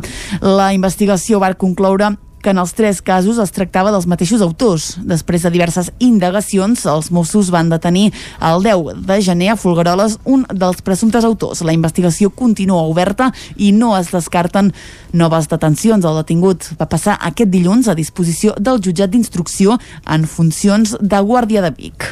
La pista de gel de Manlleu va tancar portes aquest diumenge. Des del 6 de desembre hi han passat 5.500 persones. Una xifra que el Consorci Manlleuenc valora molt positivament tenint en compte les limitacions d'aforament que els ha suposat la pandèmia. Les dues pistes de 400 metres quadrats que el 6 de desembre es van habilitar a la plaça Fra Bernadí de Manlleu van tancar aquest diumenge. Des de llavors hi han patinat 5.500 persones, una xifra que dista i molt de les 16.000 persones que hi van patinar l'any passat, però que des de l'Ajuntament donen per bona tenint en compte sobretot les limitacions d'aforament que els ha suposat la pandèmia. I és que tot i que en un inici les mesures de seguretat que es van implantar a les dues pistes van convèncer les autoritats sanitàries, a mitjans de desembre el Procicat va obligar a reduir l'aforament a sis patinadors per pista. Eudal Sallarès és el regidor de promoció econòmica de l'Ajuntament de Manlleu. Sí, efectivament, el, el nombre és més reduït i més contingut que altres edicions, però estem als, als 5.500 patinadors i patinadores, per tant, és una xifra prou rellevant, insisteixo en el context que tenim, no? i més amb el, amb el punt aquest de que a mitjans de desembre doncs, vam haver de reduir l'aforament. Hem tingut pràcticament ocupació eh, total la majoria de dies, vull dir que realment la gent tenia ganes de patinar, i, i mirat una mica per la figura de la persona patinadora, poder patinar en un espai gran amb sis persones només, eh, o amb cinc persones compartint la pista, és, és fantàstic. Més enllà de les pistes aquest any, la pandèmia tampoc ha permès la instal·lació de la ludoteca i el, el tobogan. I fins aquí el butlletí informatiu de les 10 del matí que us hem ofert, com sempre, amb les veus de Vicenç Vigues, Clàudia Dinarès, David Auladell, Caral Campàs i Isaac Muntades. I ara, abans d'anar cap a l'entrevista, avui per parlar amb el cantautor Guillem Roma, ja ho hem dit abans, víctima d'un bé d'un robatori, coneixerem els detalls de tot plegat de seguida, doncs abans de parlar amb el Guillem, el que farem és de nou parlar amb el Pep Acosta.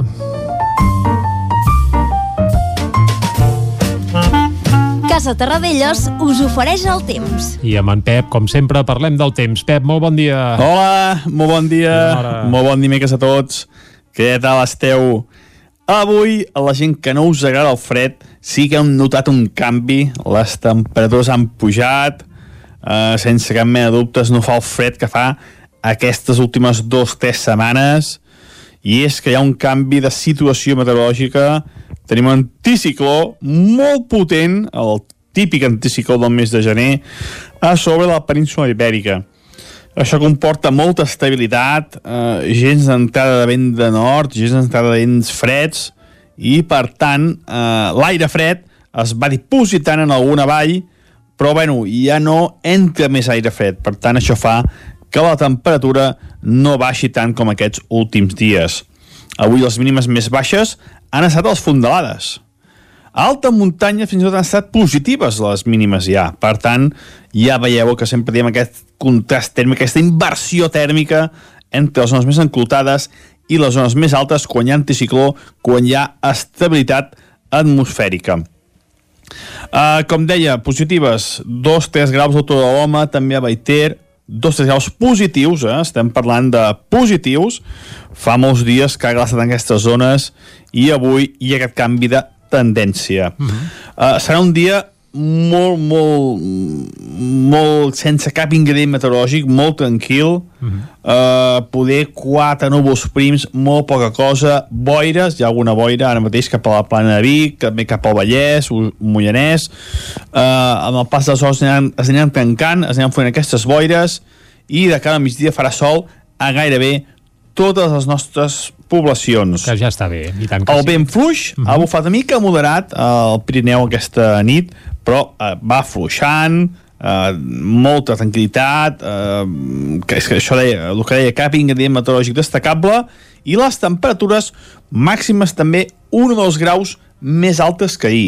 Moltes gràcies i fins demà. Vinga, Adéu. moltes de res, Pep. Eh, El Vicenç ja ho sents, eh? S'acosta, bé, no la calor, però sí que un parell de graus més al, vaja, al migdia s'agrairan, eh? I més si fa una mica de solet, però les mínimes, que el Pep ens deia que, home, que sembla que s'han enlairat, jo avui al matí he notat molt de fred, eh? Encara estem força congelats. I tant que sí, Eh que sí? I, i ho continuem estant perquè bona mm. part de la comarca d'Osona, la plana de Vic, continuen havent-hi temperatures sota zero ara mateix. Mm. Però tot i això també déu nhi com ha baixat el termòmetre no? Hem arribat als 9 graus negatius d'ahir a Rupit o als 8 de Collsospina però en aquests dos punts avui s'ha arribat als 6 graus negatius. Que déu nhi i tant, els mateixos 6 graus negatius que a Sant Sadurní d'Usurmort o a Sant Pau de Segúries.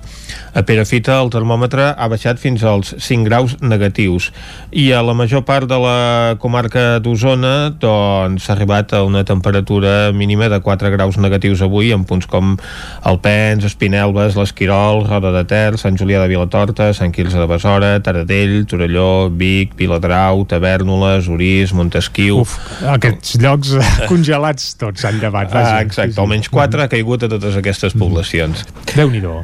En canvi, eh, com ens deia en Pep, doncs, eh, punts elevats com Ull de Ter no ha caigut el termòmetre com ens tenia acostumats tots aquests dies de l'any. Eh, tot just han arribat a dos graus negatius o un grau negatiu a Núria.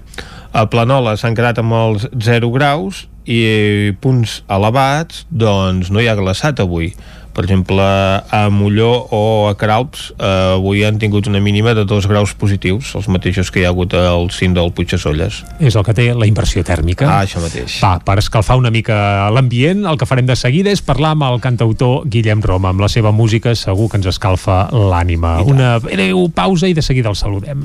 Casa Tarradellas us ha ofert aquest espai. Territori 17. Envia'ns les teves notes de veu per WhatsApp al 646 079 023. 646 079 023. WhatsApp Territori 17.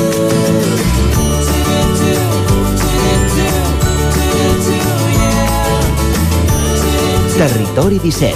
Som a Facebook, Twitter i Instagram amb l'usuari Territori 17.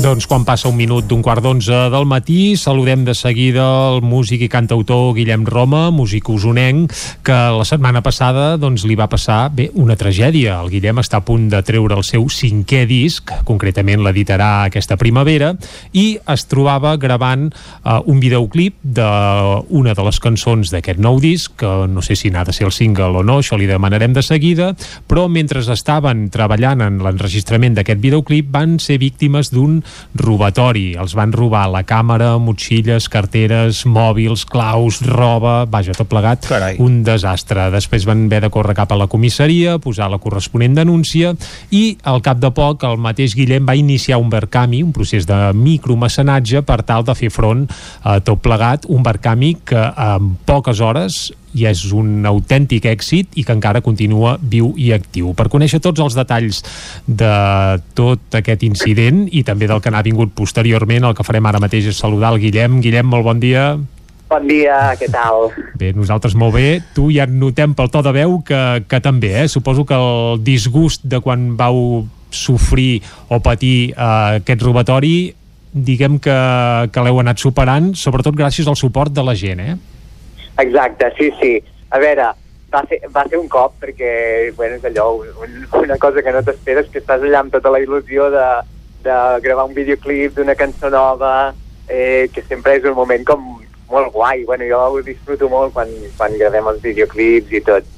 I, clar, de cop et trobes amb això i va ser un bafon molt fort, perquè, de, bueno, et quedes amb aquella impotència. A més, es van emportar moltes coses, moltes... O sigui, meu hi havia la càmera, però hi havia moltes coses dels, dels ballarins que estaven allà.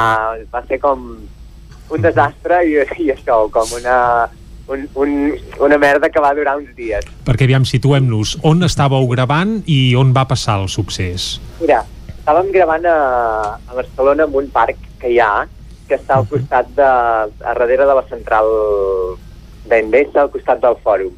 Uh -huh. És un parc que és super tranquil, era ple dia i hi havia gent fent esport uh, i estàvem més o menys atents. Vam tancar el cotxe amb clau i el vam deixar 10 minuts sol, no més. I, I estàvem a 60 metres del cotxe, que a més a més quasi, quasi el vèiem. Uh, el que passa que segurament ja ens estaven vigilant, ja van veure, mira, aquests fan amb càmeres, aquí segur que hi ha alguna i és una zona que sí que és veritat que està a prop del, eh, del barri de la mina, o sigui, està com allunyada del, del centre. Uh -huh. Tot i que no és una zona xunga, per dir-ho d'alguna manera. Llavors, eh, bueno, clar, no, no t'esperes que això en 10 minuts i estan a 60 metres del cotxe eh, i passis un moment pel costat per deixar alguna i pam, la finestra rebentada i, i allò, no?, el desastre de, de que estàvem allà a tope, havíem gravat dos, dos cosetes petites i de cop pues, ja no vam poder gravar eh, tot, el, tot el desastre, no? Però bueno, ja en aquell, ja aquell dia uh -huh. ja, va, ja em va passar pel cap la idea de dir, hòstia, hem de donar la volta a això, perquè no, no pot ser que ens quedem amb aquesta sensació, no pot ser que, que sigui tan injust, hi ha d'haver alguna manera de, de recuperar. Ja, ja sabíem que les coses és molt difícil recuperar-les, perquè això eh, ho venen superràpid i anant bé ja està fora del país, el material, els, els documents segurament els van destruir, etc etc. Però eh, jo vaig pensar, mira, està, vaig estar a punt de fer un post al mateix moment. Eh, però vaig pensar, ostres, espera't, perquè a lo millor, jo què sé, deixo el meu número de compte o faig un no sé què. I després vaig pensar, bueno, fem-ho bé, faig un mercami, explico què ha passat i, i intentem això, no?, capgirar la situació. I realment ha estat brutal, perquè no esperava que, que fos tan que hi hagués tan, tan, tantes mostres de suport, un pilot de gent ho ha compartit a les xarxes, eh, el dia que ho vaig penjar, que va ser diumenge al vespre, no parava de rebre missatges de, de gent a l'Instagram, era com un, un bullir constant i uau, uau, uau. Ja només, eh, ja només això, encara que a nivell econòmic amb el Verkami no s'hagués arribat a l'objectiu, ja només això ja donava com, almenys energèticament i emocionalment, per dir, vale, superat, ja hem donat la volta, les mostres de carinyo eren impressionants, eh, però és que a més a més l'objectiu del Verkami es va complir amb, amb hores uh -huh. i ara va pujant, per dir-ho d'alguna manera.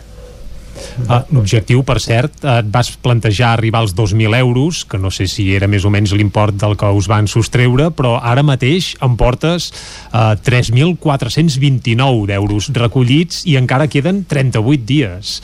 Per tant, Sí. és un èxit eh, vaja, passa molt poques vegades això al, al Verkami, eh, la, la plataforma, que amb tan poca estona ja s'aconsegueixi uh, l'objectiu Sí, sí. uh, Clar, jo predeterminat. crec que jo crec que és un Verkami inusual, perquè, bueno, per una banda, el que comentaves del, del cost de les coses, clar, en realitat és molt més alt l'import del que ens van robar, el que passa que tampoc volia posar allà eh, una xifra molt alta per poder no arribar-hi. En- Pensa que ja només la càmera que van robar ja val 2.000 euros. Més un iPhone 11 que en val 1.200, etc etc. O sigui, en total, l'import de tot eh, sumaven 4.000 i pico. 4.200, 4.500... Vull dir que, que si, si encara està actiu el Verkami i, i la gent vol eh, col·laborar, encara es pot i encara ens ajudarà. I en cas de que ho passéssim més, ja pensaríem una cosa per poder-ho invertir en un següent videoclip o el que fos. Perquè és això, com que queden 40 dies, eh, pues, està allà. Però és això, que jo crec que és un Verkami inusual, perquè clar, té, molt, té molta importància en el moment de la notícia de que, ostres, ens ha passat això, tothom ho comparteix, però eh, a partir d'ara suposo que ja serà més tranquil i a més a més la setmana que ve ja podrem estrenar el videoclip o sigui que eh, un cop l'haguem estrenat també segurament perdrà força però bueno, està allà a, a, i ha servit sobretot per, per això, o sigui, per un costat per mitigar les pèrdues del que ens van robar i per l'altre per donar la volta a una situació negativa. Per tant, pel que ens acabes d'explicar, el que no heu perdut és material del que havíeu gravat. Heu perdut eines de treball i, eh, per tant, perquè tu, a, a part de músic, també ets productor musical, per tant, si et roben les eines de treball no pots treballar, però no sé si també us havien eh, robat o no, també heu perdut o no algunes de les imatges que ja havíeu gravat. Doncs mira, del que vam gravar aquell dia no, perquè en el moment en què ens, gra ens van robar estàvem gravant i amb les càmeres amb les que gravàvem eh, pues ho teníem tot nosaltres. Uh -huh. La càmera que van robar era una que teníem així de suport, que l'havíem deixat guardada al cotxe, que no hi havia res del videoclip, uh -huh. però sí que hi havia eh, unes imatges de l'Institut de Manlleu d'un vídeo que havia gravat el dia abans jo, de tot l'institut fent Vaja. una coreografia, que això es va perdre. Vaja. I, sí, sí, això també em va saber un greu, perquè és d'aquelles coses que dius ara eh, potser és impossible tornar a fer, que tot l'institut balli una coreo i això ja s'ha perdut per sempre. Al final no, ho tornarem a fer, aquest dijous torno a l'Institut de Manlleu a gravar-ho. Clar que sí. O sigui que, que bueno, tot, al final tot té arreglo perquè són coses això, no?, que tenen aquesta, aquest punt material que d'alguna manera, bueno, pots, pots recuperar-ho, no? Aquest, uh... Sí, deixa'm dir, Guillem, que aquest videoclip formarà part del teu cinquè disc uh, en solitari. Uh, abans d'acabar, uh, fes-nos, posa'ns una mica la mel als llavis, va, per quan s'espera sí, aquest disc? Sí. Dates, calendari. La presentació ja està posada al calendari, serà l'Atlàntida de Vic, uh, d'aquí vaja, d'aquí uns un parell de mesos, uh, però el disc quan serà al carrer? Mira, el disc encara no, no sabem la data exacta i de seguida que ho sàpiga ho anunciaré, però serà a principis mitjans de març. Uh, o sigui, molt a prop del, de la data d'estrena de l'Atlàntida, que és el 27 de març, pues, unes setmanes abans sortirà el disc. Eh, però això, ja hi haurà un avançament, ja. que, que serà... serà aquest videoclip, a més a més, eh? Exacte. És el primer single Eh, és una cançó que ve amb tota l'energia nova, diguéssim, que hi haurà en aquest disc. Uh, I podrà sortir el videoclip dos dies després de que surti la cançó i també, o sigui, d'alguna manera eh, tot aquest procés del intercanvi, de l'ajuda de la gent, de tots els missatges de suport, tota aquesta energia, diguéssim, positiva que, que hem rebut aquests dies amb tota la moguda aquesta, estarà en el videoclip i és una cançó i un vídeo que té un xute d'energia positiva, diguéssim, molt important. Uh -huh. En aquest barcanvi que encara està actiu hi ha diferents recompenses segons la quantitat doncs, que s'aporti, entre elles també abraçades, que jo no sé si això el Procicat t'ho ha autoritzat o no. eh, bueno, no, no, de moment les podem guardar i quan, quan es pugui i ens veiem les podem fer Mm. Però era per posar això, no? Una recompensa simbòlica. Si algú només pot posar 5 euros, doncs, bueno, que sàpiga que és tot l'agraïment una manera de demostrar que estem molt contents de que hagi col·laborat. Uh, cal dir que a part d'abraçades i, i petons i molt d'amor, en aquest barcami també es pot aconseguir el nou disc, per exemple, un cop sigui, uh, sigui realitat, també discos anteriors del Guillem, bosses i moltes altres coses, fins i tot un concert gairebé a, a casa, per tant us convidem a participar d'aquest barcami, queden encara 38 dies. Uh, Guillem, molta sort, moltes gràcies per ser atendre'ns ara aquí a Territori 17 i gràcies estarem molt, molt atents a aquest nou disc que ja esperem en candeletes i que evidentment punxarem també aquí a Territori 17. Gràcies, el dimarts, el dimarts surt la cançó i el dijous el videoclip. Doncs, doncs va, dimarts o dimecres la punxem aquí a Territori 17. Moltes gràcies, Guillem. Vinga, Moltes salut. gràcies. Vosaltres. El nou FM, la ràdio de casa, al 92.8. Són temps de reptes. És per això que des de la Fogonera en tenim tres Servir arrossos d'estrella per emportar i a un preu de justícia. I ara tasta els nostres menús per empreses, per Nadal i per Cap d'Any, fàcil, segur i boníssims. La cuina en directe des de GURB, on encarregues, ho vens a buscar i ara també t'ho portem a casa. La Fogonera, la rosseria de paelles per emportar a GURB. Telèfon 93 851 55 75. lafogonera.cat i quan cau la nit, pupurri culinari. Solucions per divendres i dissabte nit. Pizza, burgers i molt més. Entra a pupurriculinari.cat i tria. Cocodril Club. Si t'agrada la bona música dels anys 60, 70 i 80, escolta el 9 FM als matins de dissabtes i diumenges d'11 a 1. És el temps del Cocodril Club, tot un clàssic de la ràdio, amb les bases del pop-rock, les llegendes, les cançons que s'han convertit en autèntics himnes. Recorda, dissabtes i diumenges al matí, d'11 a 1, al 9 FM 92.8. Cocodril Club, el programa revival de l'Albert Malla. Hasta luego, cocodrilo. Òptica Visual Opti3. Regala qui estimis, visió, salut, protecció, prevenció i moda. Per tu, regala't una revisió visual completa. Visual Opti3, la teva òptica. Ens trobaràs a Facebook, Instagram, visualopti3.com i a la plaça Major 39 de Vic. Cobertes serveis funeraris. Els nostres tanatoris estan ubicats en els nuclis urbans més poblats de la comarca d'Osona per oferir un millor servei. Tanatori de Vic, Tanatori de Manlleu, Tanatori de Centelles i Tanatori de Roda de Ter. Sabem que són moments difícils i per això el nostre compromís és atendre-us en tot moment amb un tracte humà, sensible i respectuós. Cobertes serveis funeraris. Telèfon 24 hores 93 883 23 46. Anuncia't al 9FM. La màquina de casa. 9 3 8 8 9 4 9 4 9. Publicitat arroba al 9FM.cat. Anuncia't al 9FM. La publicitat més eficaç.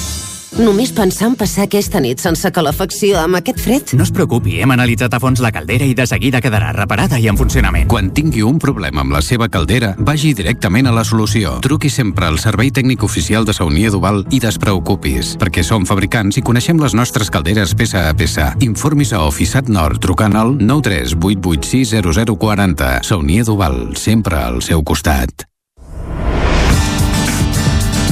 El 9 FM.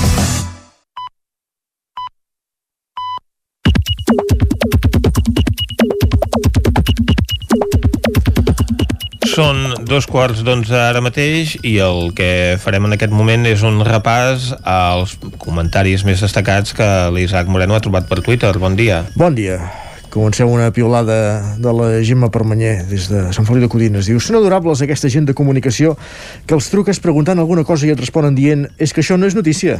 Mira, si un cas ja ho decidiré jo, això. Permanyer, en podríem fer un llibre i dedicaríem cinc capítols a... No puc dir-ho, oi? Aquell consorci hospitalari aquí a Osona.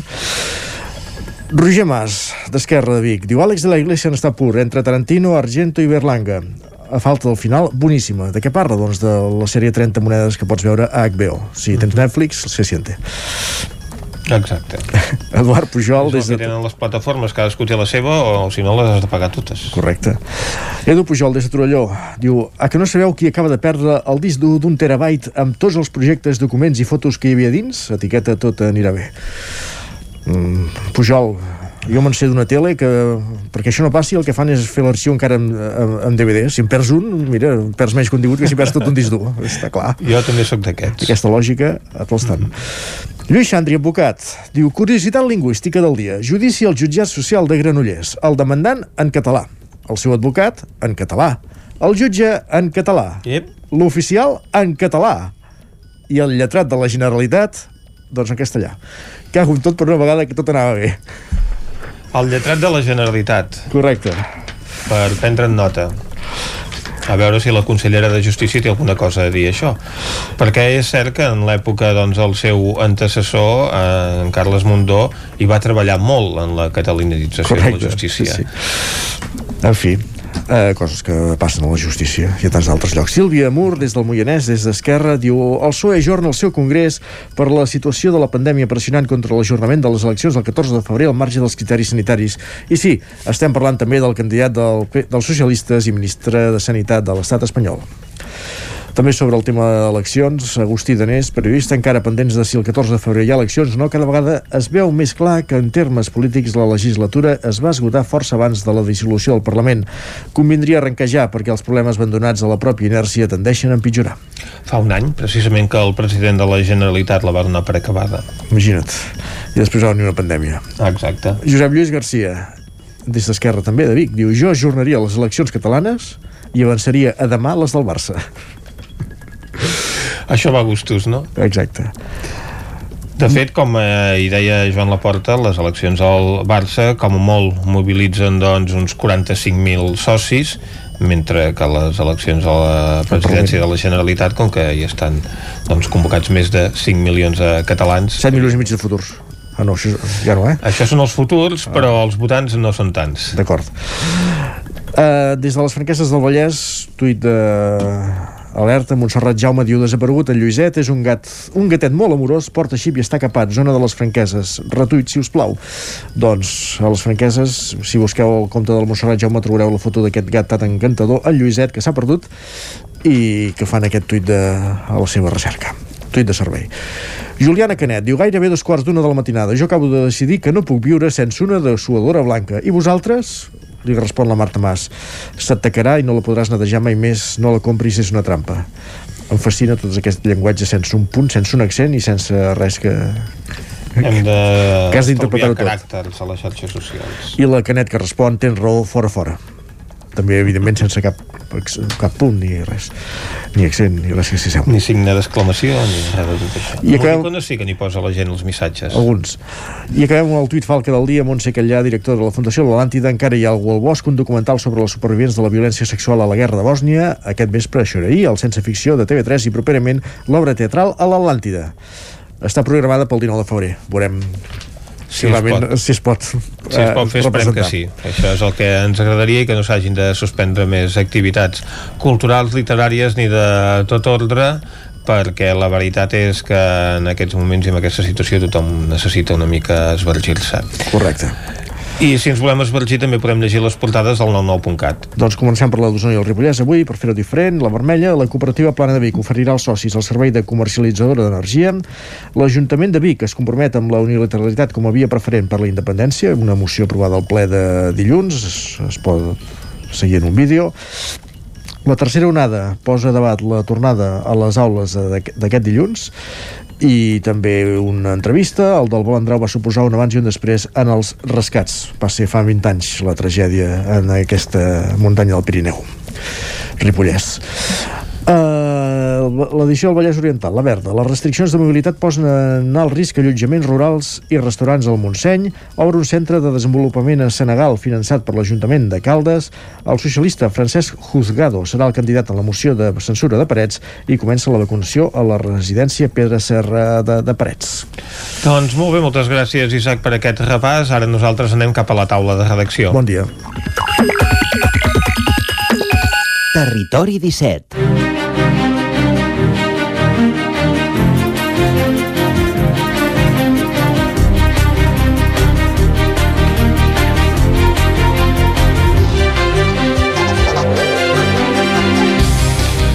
Avui a la taula de redacció comptarem amb l'Isaac Muntades i amb Víctor Palomar.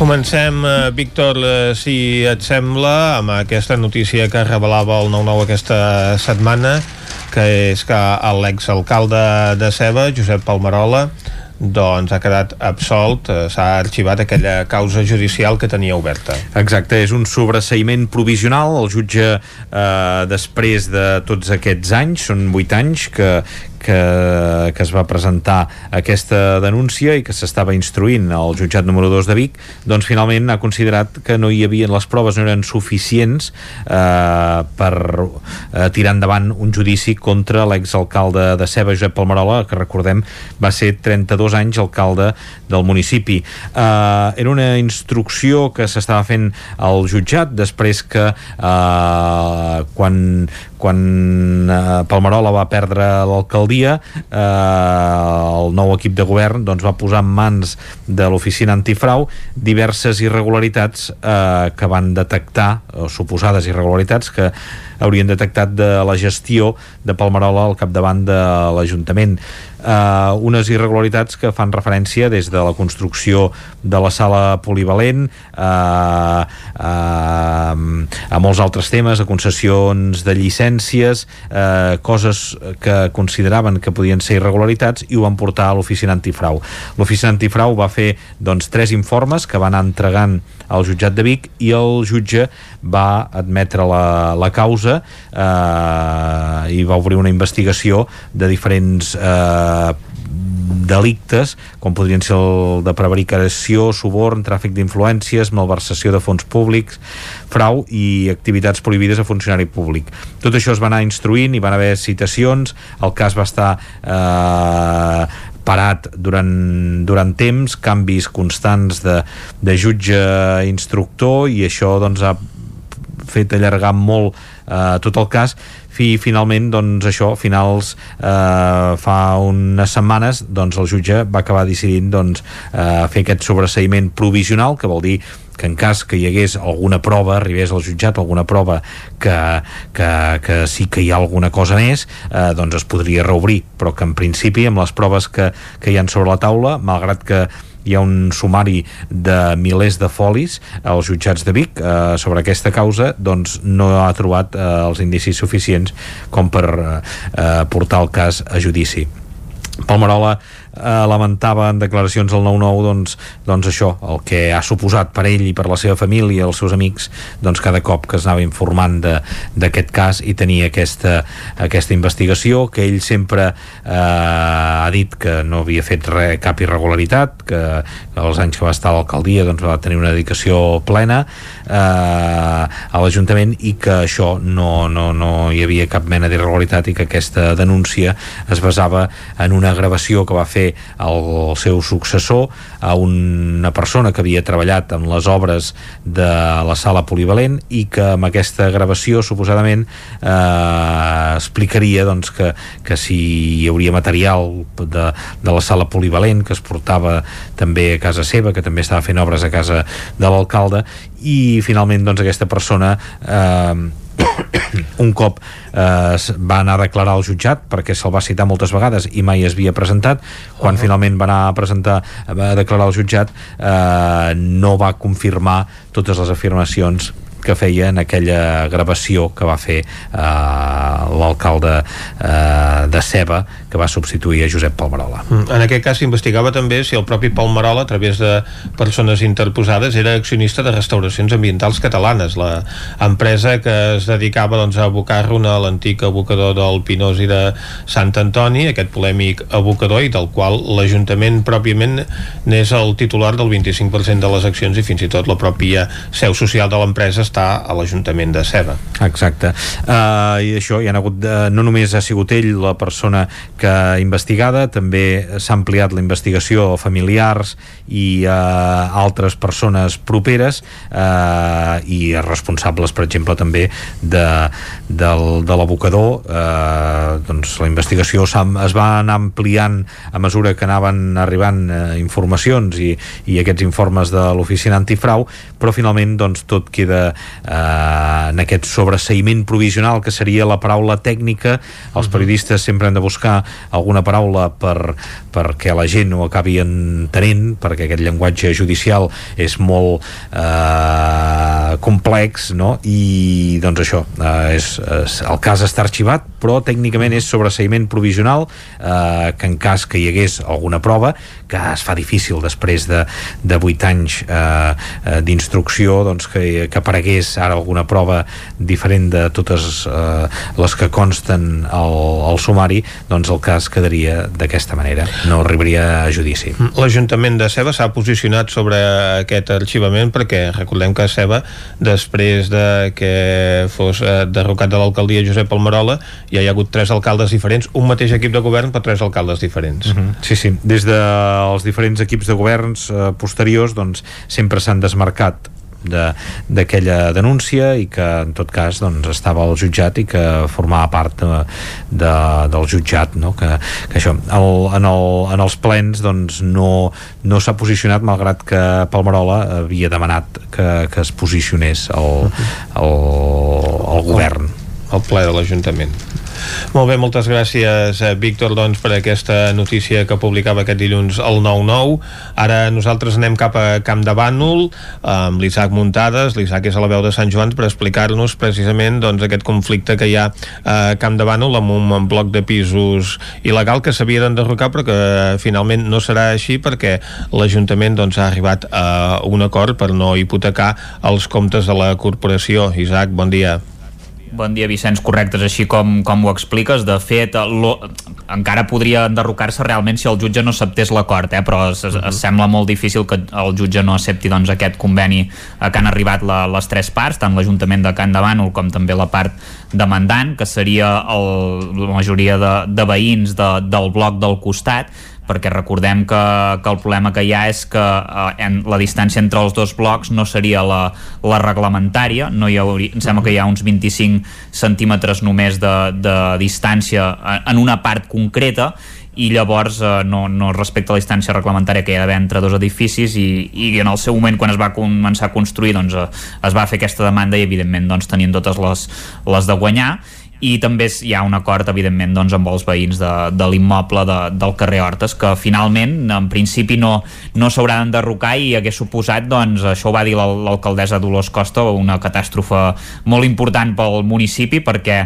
Uh, ja l'any passat, el 2019, uh, eh, perdó, fa, fa dos anys en aquest cas, eh, el que passa que va ser molt al final del 2019, es va haver de presentar un aval de, de gairebé 2 milions d'euros uh. per, uh, doncs, si havia que enderrocar l'edifici, doncs pagar totes les indemnitzacions que, que es derivessin doncs, de, dels tercers que van comprar doncs, uh, un immoble eh, abans que, que sortís la sentència, per tant que ho van fer de bona fe i no per especular després un cop ja, ja, sabia, ja se sabia la sentència no? eh, per tant doncs eh, bé la situació ara és bastant eh, bastant bona perquè evidentment doncs, aquest aval ja no, no, no serà necessari. Tampoc serà necessari els més de 300.000 euros que estaven destinats en l'anterior pressupost per, per un possible enderroc i el que li podria haver costat a l'Ajuntament doncs entre 2, 4, 5 milions d'euros que això pràcticament seria el pressupost d'un any normal a Can de Bànol uh -huh. doncs eh, segurament quedarà molt per sota del milió d'euros inclús m'atreviria a dir que per sota del mig milió d'euros uh -huh. perquè en el seu moment doncs, es va filtrar que d'alguna manera es podria, un acord es podria haver firmat amb 800.000 sembla que podria ser fins i tot menys. Uh, per tant bona notícia sobretot per als, per als veïns uh, que de, de l'immoble que no hauran de, de marxar. I, i bé, uh, una situació que, que si em permeteu no s'ha solucionat abans per el, perquè l'Ajuntament doncs, no ha tingut secretari durant des del mes de juliol fins al passat 15 de, de desembre que va prendre possessió el nou secretari. Uh -huh. això ho, ha, ho han endarrerit perquè havia doncs, de, s'havia de validar aquest conveni, va ser el secretari de Ripoll qui ho va fer i a més a més doncs també van passar altres coses com que va morir el procurador de, del cas, en van haver de buscar un altre també hi va haver-hi mala maró amb els advocats que representaven l'Ajuntament i, i, i l'alcaldessa va decidir prescindir dels serveis de, de Garrigues, del despatx d'advocats de, Garrigues i haver-ne a contractar un altre, i a més a més eh, quan ja s'havia d'elevar el ple teòricament en el, en el darrer ple, en el darrer ple de l'any doncs pocs dies abans, un parell de dies abans si no recordo malament, va morir una de les persones de la part demandant, per tant uh -huh. eh, per herències i per tot el tema de, de reclar els papers, doncs s'ha anat endarrerint, suposem suposem que en el proper ple que haurà de ser aquest mes s'hauria d'aprovar aquesta doncs, aquest acord. Bé, aquest és un conflicte doncs, que ha heretat l'actual equip de govern de sí. Camp de Bànol, que podia haver doncs, hipotecat també futurs governs de la corporació, a conseqüència d'aquesta doncs, mala praxi en el seu moment en la concessió d'aquesta llicència. Correcte, ve de lluny, això ve del 2006, vull dir, ja no és un, ni el govern anterior de, de Joan Manso, ni tampoc estaríem parlant del de Núria López, sinó que estaríem parlant fins i tot d'abans que hi hagués la moció de censura l'any 2007, de, llavors hi havia un, uh, el govern, si no recordo malament, uh, iniciativa, uh, però, però bé, va ser sobretot arran de d'una llicència urbanística mal donada que, que, que això va, va començar a aflorar i el 2009 ja, ja hi va haver una sentència que obligava a enderrocar-lo i per tant portem 14 anys de litigi que en principi s'hauran d'acabar aviat. I això que deies, eh, s'hipotecava totalment a l'Ajuntament per aquest mandat i, i per al següent segur perquè això implicava no disposar d'inversions de, de, de molts diners que, que haurien d'haver anat a, a parar al cop Evidentment, i que si s'han de pagar doncs, amb un sol cop hagués obligat a l'Ajuntament a haver sí, de demanar sí. una, una operació Correcte. de crèdit i anar-lo pagant en diferents terminis. Correcte, de fet es pagarà amb, amb terminis, eh? també aquest, eh, o sigui, Aquesta el, el indemnització. paga, aquesta indemnització que han acordat es pagarà, no es pagarà tota de cop també, eh? vull dir que en certa manera també els hi ha sortit bastant bé la, la jugada a l'Ajuntament pel que podria haver estat. Uh -huh. Molt bé, doncs, eh, gràcies Isaac Muntades per aquesta darrera hora d'aquesta notícia conflictiva a Camp de Bànol sobre aquest eh, bloc d'habitatges doncs, que en el seu moment es va concedir una llicència irregular per poder-lo construir i que afectava doncs, l'economia de l'Ajuntament. I amb en Víctor Palomar també hem repassat doncs, aquesta sentència, aquest sobreseïment del cas que estava instruint el jutjat de Vic contra l'exalcalde Josep Palmerola, exalcalde de Ceba, que va ocupar el càrrec durant 32 anys i que estava investigat per diversos delictes. Amb ells dos hem fet avui aquesta taula de redacció. Territori 17 I després de la taula de redacció, quan falten, res, eh, 11 minutets per les 11, el que toca, Vicenç, és parlar de literatura, parlar de lletres, perquè entrem al Lletra Ferits. Efectivament, entrem al Lletra Ferits, avui des de Ona Codinenca, eh, on ja fa unes setmanes doncs, que vam eh, parlar d'una temàtica amb Marià Hispano, un historiador de Sant Feliu de Codines, que havia coordinat doncs, la producció del llibre anomenat La presó o el poble, l'àrea Berenguer Pujat, activisme i repressió en guerra i dictadura. Aquest llibre és una biografia que es va presentar el 10 de desembre al Centre Cívic La Fonteta de Sant Feliu. En el seu moment vam poder parlar amb Hispano, que ens va donar el context de la vida de la primera dona alcaldessa de Sant Feliu de Codines. Per posar-nos en situació, Laia Berenguer, nascuda al 1920 i que va morir el 2011, va ser una dona molt destacada políticament, amb trajectòria al PSUC i presa política durant el franquisme. Avui, com us dèiem, en el Lletra Ferits anem cap a una codinenca i coneixerem a l'autora d'aquesta biografia. Doncs sí, uh, bé, ara abans de tenir-la al telèfon, comentar-vos també que en la presentació d'aquest llibre, com bé deies Vicenç, el dia um, 10 de desembre, hi havia Uh, també dues persones més en la presentació. Hi havia el Carles Vallejo president de l'Associació Catalana d'Expresos Polítics del Franquisme i com bé deies el propi Marià Hispano.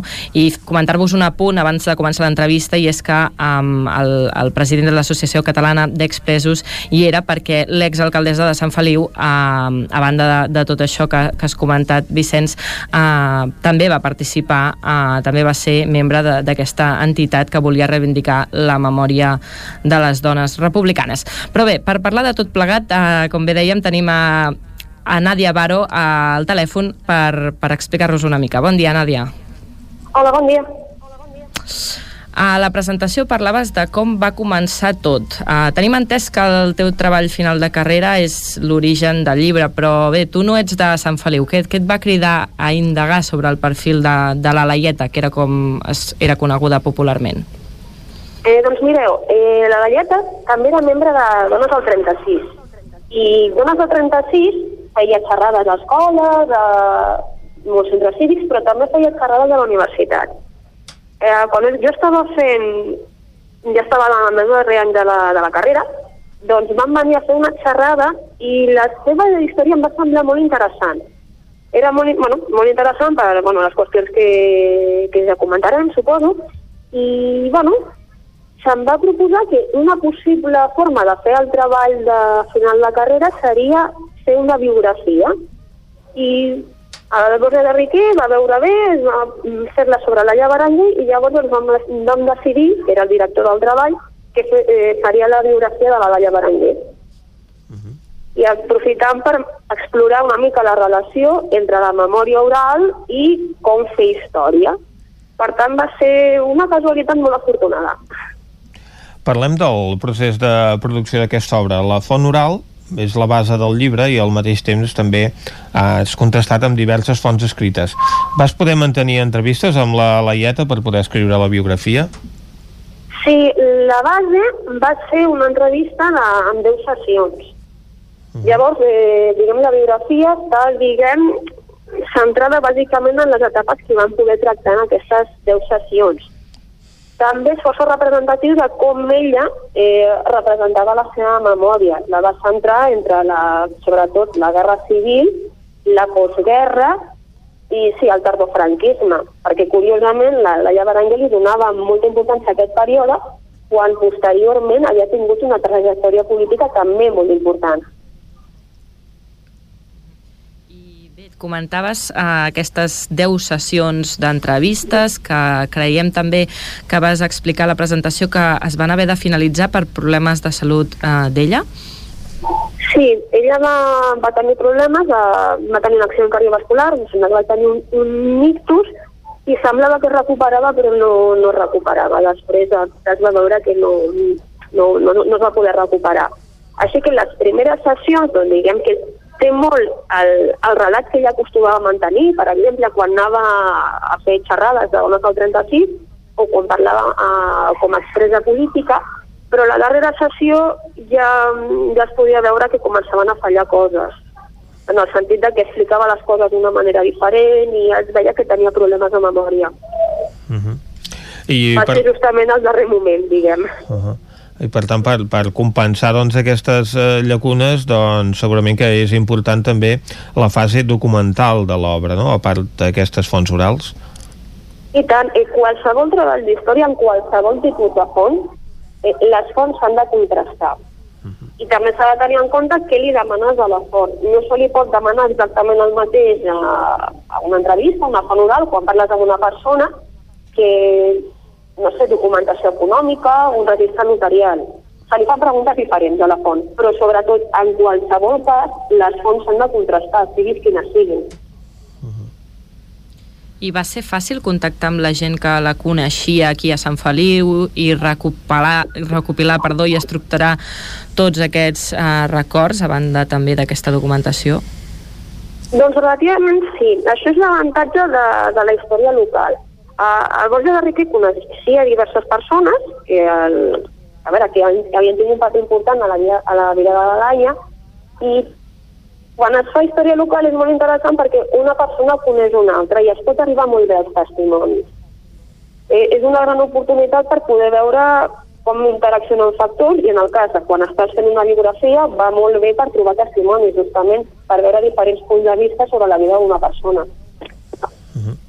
D'aquestes sessions eh, vas desprendre dos eixos claus de la Laieta, la impulsora en redefinir els rols de gènere i per l'altra banda doncs, la dona que va resistir sobretot per l'hostilitat que va trobar al poble durant la postguerra, no?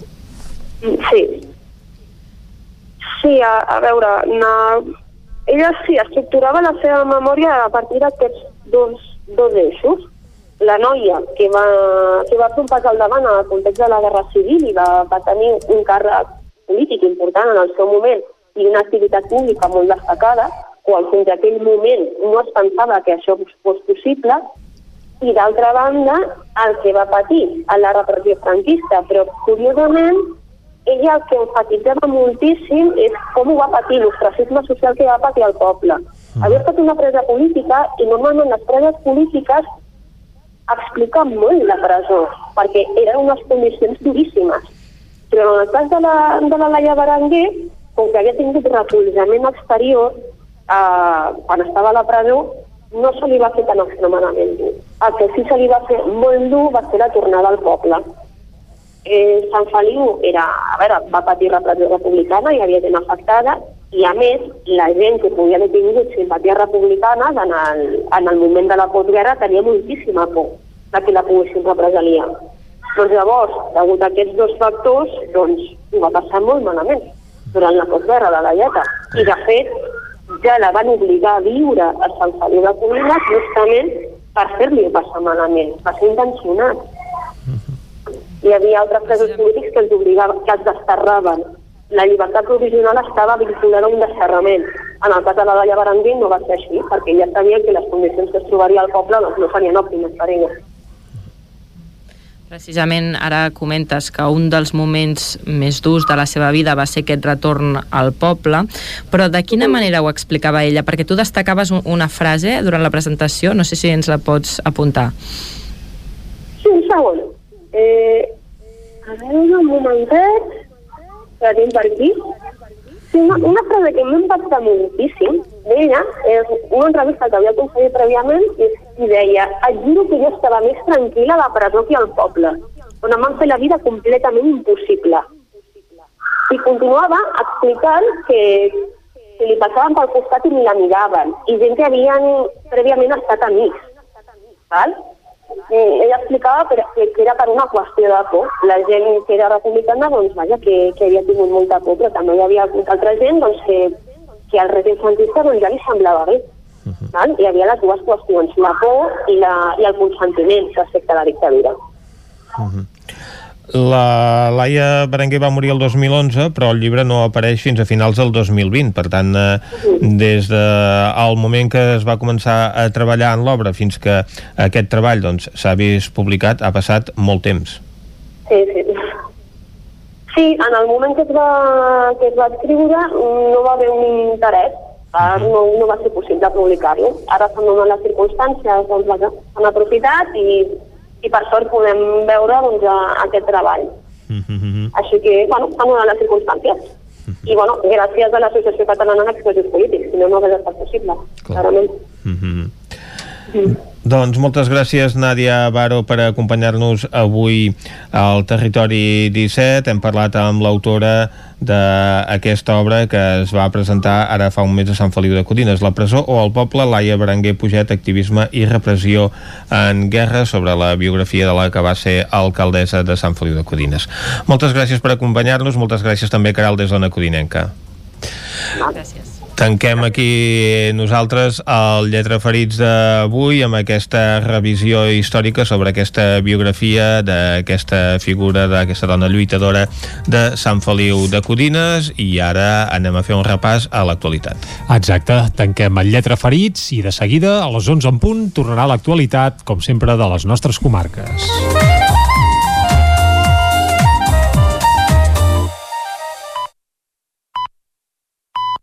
Són les 11. Territori 17, amb Vicenç Vigues i Jordi Sunyer.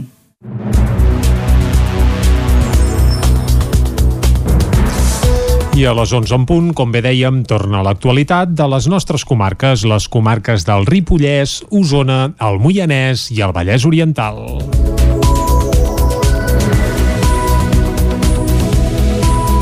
Gairebé la meitat dels professionals sanitaris a l'estat espanyol té un alt risc de patir un trastorn mental després de la primera onada del coronavirus. Així ho assenyala un estudi liderat per investigadors de l'Institut Hospital del Mar d'Investigacions Mèdiques i metges del centre. Asseguren que el 14,5% dels professionals pateix un trastorn mental de forma discapacitant, és a dir, amb repercussions clares en la vida professional i personal. L'estudi es basa en dades de més de 9.000 treballadores de 18 centres sanitaris de l'Estat en el marc del projecte Mind Covid. Els símptomes principals són depressió, ansietat, atacs de pànic, trastorn d'estrès posttraumàtic i abús de substàncies. Segons un estudi dels mateixos autors, un 3,5% dels sanitaris ha presentat ideació suïcida activa en l'últim mes. La prevalença dels trastorns mentals és més elevada en el cas de les dones joves que no han nascut a l'estat espanyol i que no estan casades. El col·lectiu dels auxiliars d'infermeria és el que mostra un impacte més gran. Dos de cada tres auxiliars pateixen risc alt per trastorns mentals. En el cas de les infermeres, la meitat es troba en un risc alt.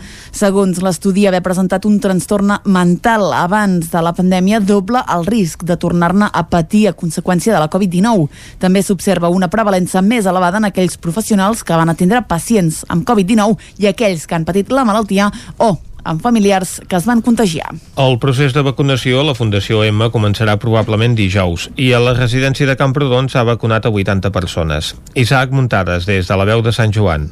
Probablement aquest dijous començarà la vacunació als residents i als treballadors de la Fundació Emma després que la residència hagi superat el brot de coronavirus que va afectar el centre, ja que actualment no hi ha cap positiu dins de la residència. Actualment encara hi ha una persona aïllada preventivament però sense símptomes per haver estat en contacte d'un positiu i a la qual se li va fer una prova PCR aquest dimarts per comprovar que no hagi desenvolupat la malaltia per tal de començar el procés de vacunació. Cal recordar que el brot de Covid-19 a la Fundació Emma es va iniciar el passat 3 de desembre, quan un usuari va presentar els primers símptomes. En total, el brot ha afectat 33 33 dels 53 residents que hi viuen i ha provocat un total de 10 morts. A més, la malaltia també va afectar 14 treballadors. En aquests moments encara hi ha dos residents que estan ingressats en centres hospitalaris, un a l'Hospital de Camp de Bànol i l'altre al doctor Josep Trueta de Girona. Un cop la residència sigui declarada verda, és a dir, lliure de casos, i després de la vacunació, el centre començarà a reprendre les visites familiars. A més, aquest cap de setmana s'ha instal·lat un purificador d'aire Renter gran per espais tancats cedit gratuïtament per casals ventilació. L'aparell que es pot moure s'instal·larà a la sala gran i al menjador, les zones on s'ajunten més residents per tal de minimitzar el risc de transmissió de la Covid-19, però també d'altres malalties. Casals Ventilació també ha cedit un altre renter, però més petit a la llar d'infants al Molí Petit. D'altra banda, la residència geriàtrica a l'Hospital de Camprodon també ha començat a vacunar els seus residents a partir d'aquest dimarts. Precisament el director de l'àrea bàsica de salut de Ripoll, Sant Joan de les Abadeses i Camprodon, Pedro Cabrero, que també és regidor d'aquesta darrera població, vaticinava que la situació a la comarca milloraria cap a la primavera i que després es notaria l'efecte de la vacunació. I que a partir de primavera podrem començar, podrem començar a albirar una situació de... M'explico? Segurament, segurament estarem amb una més tranquil·litat eh, cap a l'estiu. Però és possible que a la primavera puguem tenir una situació. Per què? Perquè començarem a, a millorar les temperatures, l'aireació serà millor, la gent començarà a fer més vida en el carrer i hi haurà menys, menys agrupament familiar, les vacunes començaran a tenir un cert pes, ja n'hi ha gent que ha passat el coronavirus, inaparentment, més, de, més del que sembla, i això, tot això farà que la transmissibilitat del virus no sigui, no sigui tan alta. En total, a la residència de Camprodon s'ha vacunat a 80 persones, entre les quals hi ha 45 residents, 30 treballadors de la residència i 5 del centre d'atenció primària. Només un 6% dels residents i treballadors ha rebutjat administrar-se el vaccí. El Consorci Hospitalari de Vic lidera una investigació sobre l'impacte de la pandèmia en els infants d'Osona. Es tracta del projecte d'investigació i infecció pel virus en població pediàtrica d'Osona, característiques clíniques, epidemiològiques i seroprevalença, que consisteix en l'anàlisi d'una mostra representativa d'infants menors de 15 anys a qui se'ls ha fet una prova PCR per veure les diferències de simptomatologia entre els positius i els negatius i quins patrons estacionals segueix el virus.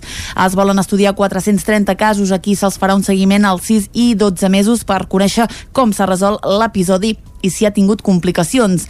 Alhora, la investigació també servirà per veure la incidència i prevalença, és a dir, el percentatge de positius en la mostra analitzada i la seroprevalença, és a dir, el nivell d'immunitat que ha desenvolupat la població respecte a una malaltia concreta i si aquesta és duradora o no. La inclusió de pacients a l'estudi va començar al març del 2020, quan aleshores només es feien PCR als hospitals i s'allargarà fins al 28 de febrer del 2021.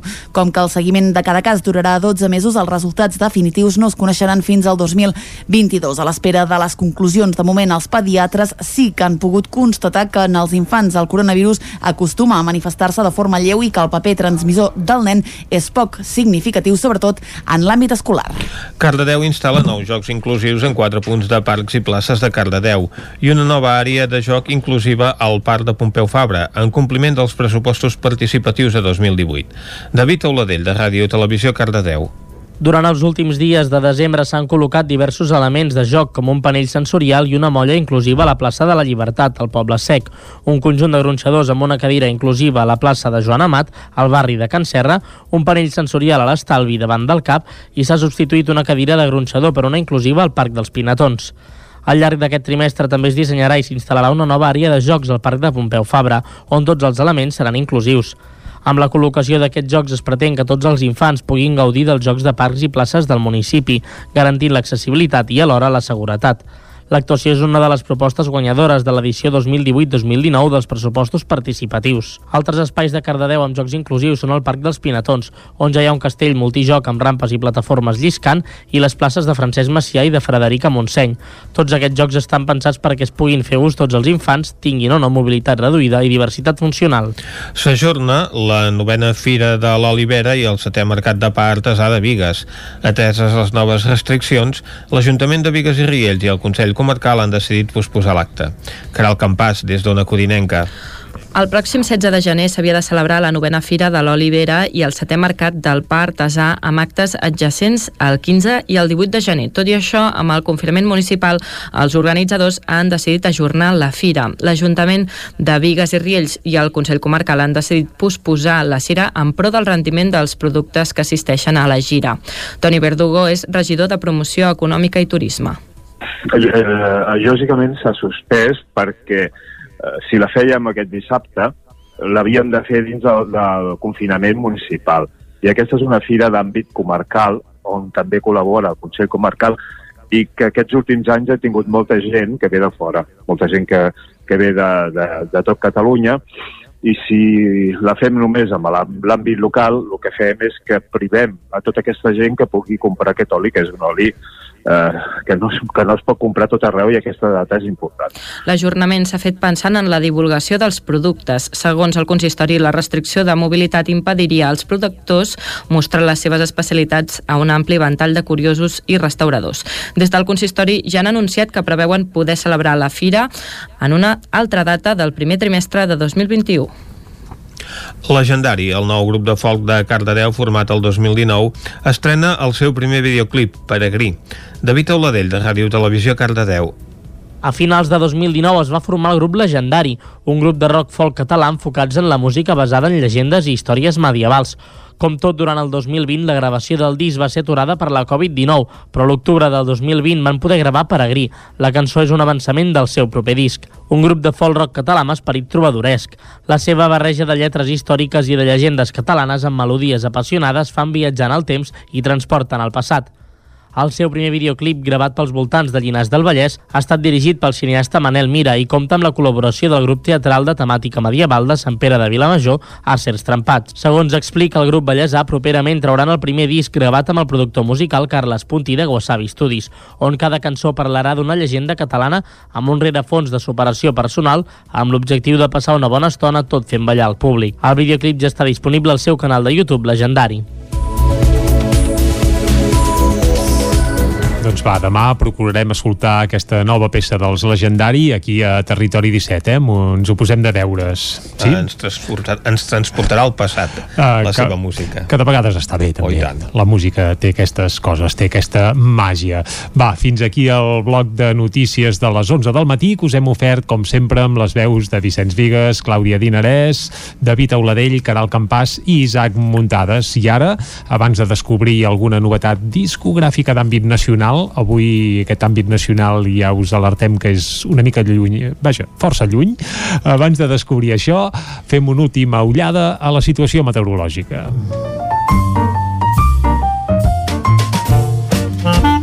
Casa Terradellos us ofereix el temps i saludem altra vegada el Pep Acosta, que ens parlarà del temps que ha fet i sobretot del que ens espera per a les properes hores. Pep, molt bon dia. Hola, molt bon dia. Bon dia, bon dia. Molt bon dimecres a tots. Gràcies. Què tal esteu?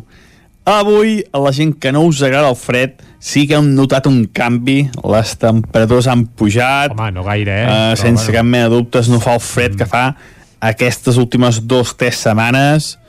I és que hi ha un canvi de situació meteorològica Tenim un anticicló molt potent, el típic anticicló del mes de gener, a sobre la península ibèrica. Això comporta molta estabilitat, eh, gens d'entrada de vent de nord, gens d'entrada de vents freds, i per tant eh, l'aire fred es va dipositant en alguna vall, però bueno, ja no entra més aire fred, per tant això fa que la temperatura no baixi tant com aquests últims dies. Avui les mínimes més baixes han estat les fondalades.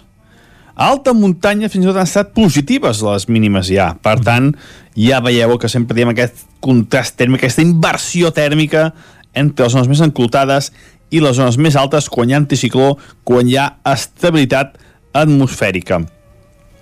Uh, com deia, positives, 2-3 graus d'altura de l'home, també a Baiter, 2-3 graus positius, eh? estem parlant de positius, fa molts dies que ha glaçat en aquestes zones i avui ha aquest canvi de tendència. Uh, serà un dia molt, molt, molt sense cap ingredient meteorològic, molt tranquil, uh, poder quatre núvols prims, molt poca cosa, boires, hi ha alguna boira ara mateix cap a la plana de Vic, també cap al Vallès, Mollanès, uh, amb el pas dels hores es aniran, tancant, es aniran fent aquestes boires, i de cara al migdia farà sol a gairebé totes les nostres poblacions. El vent fluix ha bufat una mica moderat al Pirineu aquesta nit, però eh, va fluixant, eh, molta tranquil·litat, eh, que és que això deia, el que deia, cap ingredient meteorològic destacable, i les temperatures màximes també 1 o 2 graus més altes que ahir.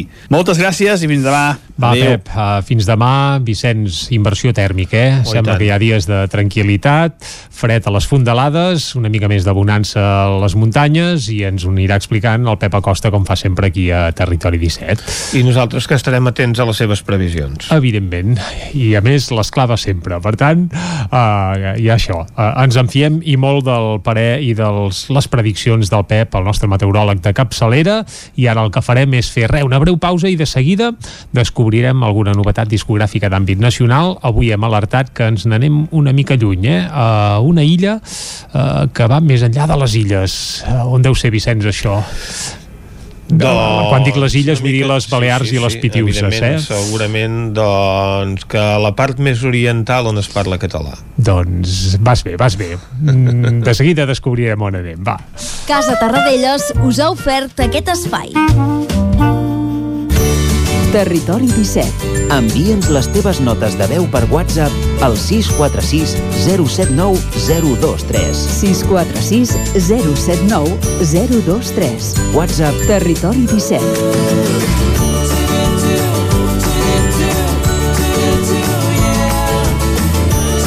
Territori 17. Som a Facebook, Twitter i Instagram amb l'usuari Territori 17.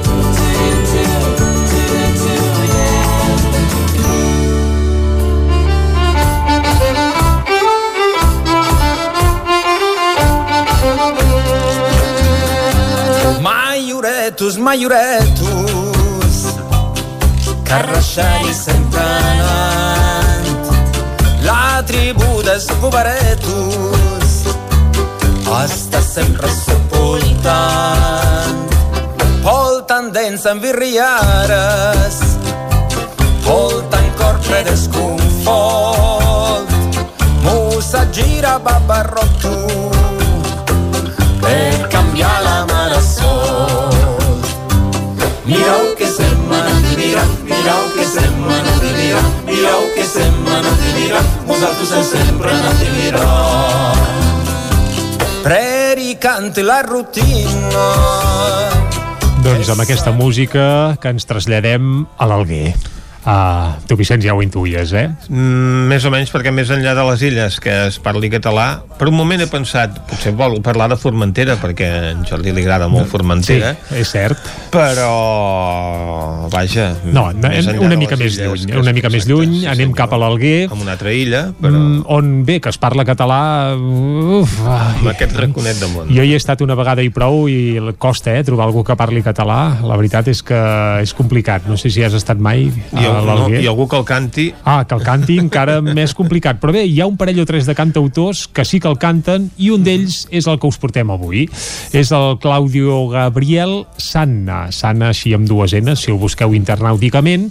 I el que us hem acostat és el seu darrer disc, que el va treure just a les portes de Nadal. Es diu Mirau que sem anant i mirant.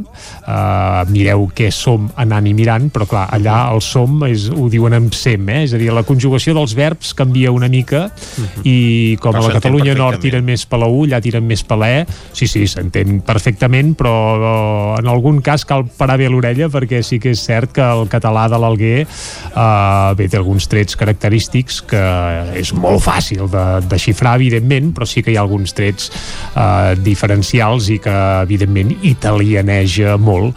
A més, el Claudio Gabriel Sanna que per cert és un xicot que porta gravant discos des de fa molt de temps. També és un defensor del sart que, uh -huh. clar, l'Alguer està a l'illa de Sardenya i a part de català també s'hi parla sart, però bé, la veritat és que el sart també li passa una mica com el català, eh? i és que és una llengua en franca recessió i que també costa molt d'escoltar sart a l'illa de Sardenya perquè l'italià ho monopolitza força tot i el Claudio Gabriel Sana que és un, bé, això, un, un algarès de pro, doncs també ha gravat algun disc en sart per bé, també reivindicar la vigència d'aquesta llengua. Hem arrencat el, el disc, això escoltant precisament Mirau que sem anant i mirant, que és el primer single i la primera cançó també d'aquest seu nou disc, i ara, si et sembla, escoltarem un fragment de la cançó dels musicants de l'Alguer.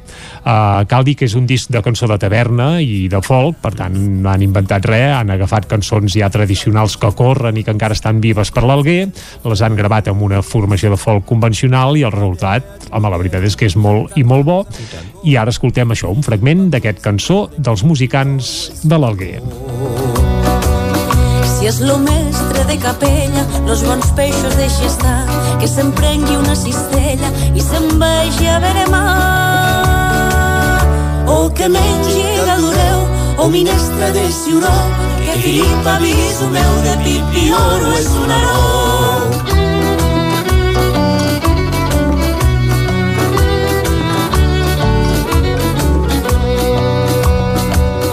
Gesuero de Nenaldo sa compri una bona mancia i si passa calchi saldo los ferruccios de la prancia. Dera viora lu vaureu al seu gentre fer-ne un do que Filippa bisu meu de pipi oru és un aró Sant Josira, l'un noviet, que s'estigui Llucieta. Aquí va cantant no només el Claudio Gabriel, sinó que cal dir que aquest disc no l'ha gravat sol, el Claudio Gabriel Sana, sinó que ha comptat amb la col·laboració de Rall Group. Rall, R-A-L-L, Rall Group, que és una formació també de l'Alguer, i bé, eh, tots junts han gravat aquest nou CD que recull algunes de les cançons de taverna i cançons tradicionals doncs, més eh, conegudes d'això, de, de l'Alguer. Uh, anem una mica a la vida i miracles del Sanna. Aquest xicot va néixer a l'Alguer ja fa 63 o 64 anys, per tant ja té una certa edat, mm. i uh, es va posar a cantar l'any 1981. Va formar un grup que el va batejar com a Càlic, i aquest grup es dedicava sobretot a recuperar cançons tradicionals de l'Alguer i també de tota l'illa de Sardenya. Per tant, diguem que el Gabriel Sana porta ja pràcticament eh, 40 anys doncs això, eh, rescatant cançons oblidades o no tan oblidades del repertori tradicional eh, no només de l'Alguer sinó de tot Sardenya. El seu primer disc amb Càlic el van registrar ja l'any 1984. Amb Càlic cal dir que en van treure quatre de discos, eh, un que es deia Carrer del Mar, el 84, l'altre Terres de Mar, tot era marítim, el 95, eh, en van treure un altre el 98, en aquest cas en italià, i el darrer disc que van editar amb, com a càlic va ser el 2002 i es deia La cançó catalana a Sardenya. A partir de llavors va començar a pedalar sol, el Claudio Gabriel Sana van plegar veles als càlic i va començar la seva carrera en solitari, editant discos com el Tirant l'Urrall, el 2005, el Terrer meu, el 2007, o Un home del país, que en aquest cas el va editar el 2010 i el seu penúltim disc era Altres Paraules, que l'havia publicat el 2015. Des de llavors, eh, diguem que discogràficament no havia tret res i per tant, fins ara, que ha tret aquest disc del qual parlem avui, doncs el Claudio Gabriel, que es havia dedicat a fer molta pedagogia, molts concerts, però enregistraments, diguem que, que pocs. Ara, si et sembla, n'escoltem una altra de cançó, va. Escoltem. Uh, n'escoltem una que la veritat és que bé, és, és molt, molt divertida perquè es diu Bona nit i bon any i ara que hem començat l'any nou doncs home, és molt aconsellable. I aquesta, cal dir que el disc té 12 cançons, aquesta és la que fa 11 i té una peculiaritat i és que s'ha enregistrat en directe, les altres són Ah. cançons d'estudi, aquesta no, aquesta és un enregistrament fet en directe pel Sanna i els Rall Group per tant, tal com raja, bona nit i bon any, uh, això, amb el Claudio Gabriel Sana. Escoltem com sona, això. Scusato l'anfaro che da chi non è meglio Buona niti bonan Buona niti bonan Buona niti bonan Buona niti bonan Buona inizi, buona angia, sa che un esciarlantino Caspita si fa bassino, sa pasquano manca mai. Sighi poco, siga sai, caro dono il che pudia. Perché un allo Gesù servo, vero figlio di Maria. Buona inizi, buona. Angia Buona inizi, buona. Angia Buona inizi, buona. Angia Buona inizi, buona. Angia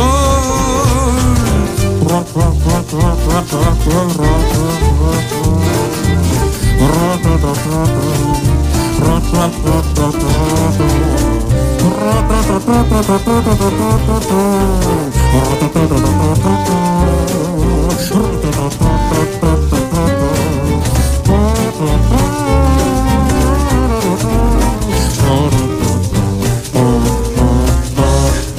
Bé, aquesta trompeta així artesanal també és del Claudio Gabriel Sana i avui que hem tingut el Guillem Roma en directe aquí a Territori 17 sí, sí. doncs eh, cal dir que el Guillem és bastant més bon trompetista que el Sana, eh? Per amb tot el carinyo, amb, tot el, amb tota l'estima cap al Claudio Gabriel.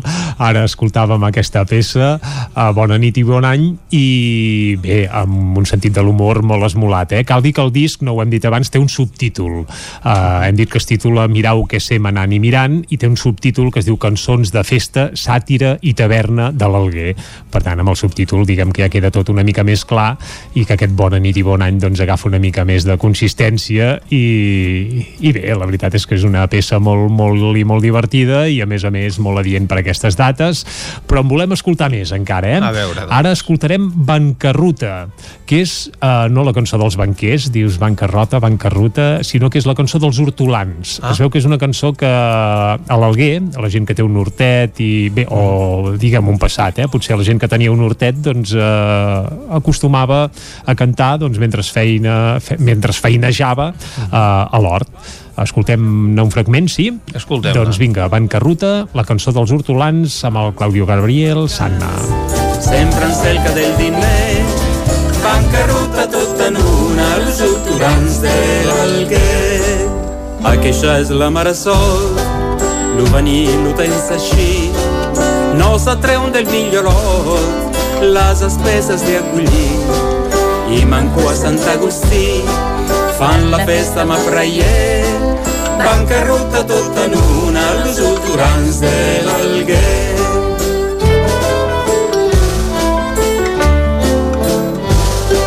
Per aquesta prova gent aquesta ja és arruïna de pomata en continent no ni jumpa més marina ni d'arena i de salfina no ni fa més menester.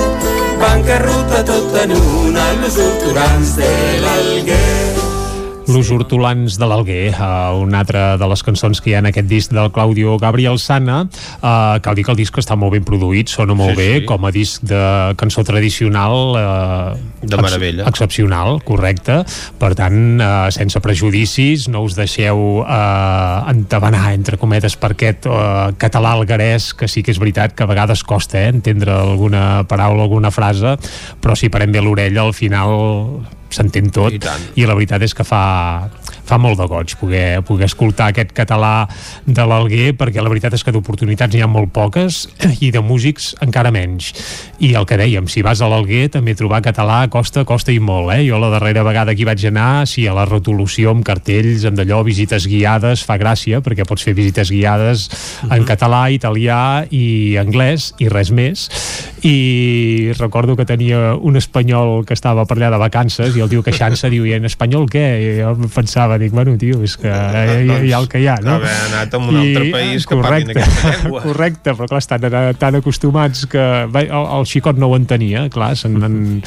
Bueno, tant és. Però la veritat és que en aquest sentit fa, fa gràcia i a més de, de senyeres n'hi ha tot arreu. Uh, això sembla a la Catalunya Nord també, que la llengua costa de sentir, però pel tema visual la veritat és que l'Alguer respira catalanitat pels quatre costats. I una bona manera d'acostar-se a l'Alguer, doncs, ara que no s'hi pot anar, evidentment, perquè estem confinats, doncs és fer-ho musicalment. I avui per això us hem acostat aquest disc del Claudio Gabriel Sana i els Rall Group. Recordem-ho, es diu Mirau que sé manant i mirant. És un disc que es pot ja comprar des d'aquest Nadal passat i on hi ha cançons com la que escoltarem ara per tancar la secció, que és Gita 5 a Ganxa 10, una altra cançó popular de l'Alguer, que la veritat també té molta gràcia i que es veu que aquesta la canten molt els xiquets menuts de- d'allà a l'Alguer. Marxem amb aquesta, Vicenç? Doncs va, um, Gita 5 a Ganxa 10, uh, seguim a Territori 17, després farem una breu pausa i encetarem la darrera mitja hora descobrint racons de Catalunya i ja us avisem que no anirem a l'Alguer ja, eh? No. Fins ara mateix, va.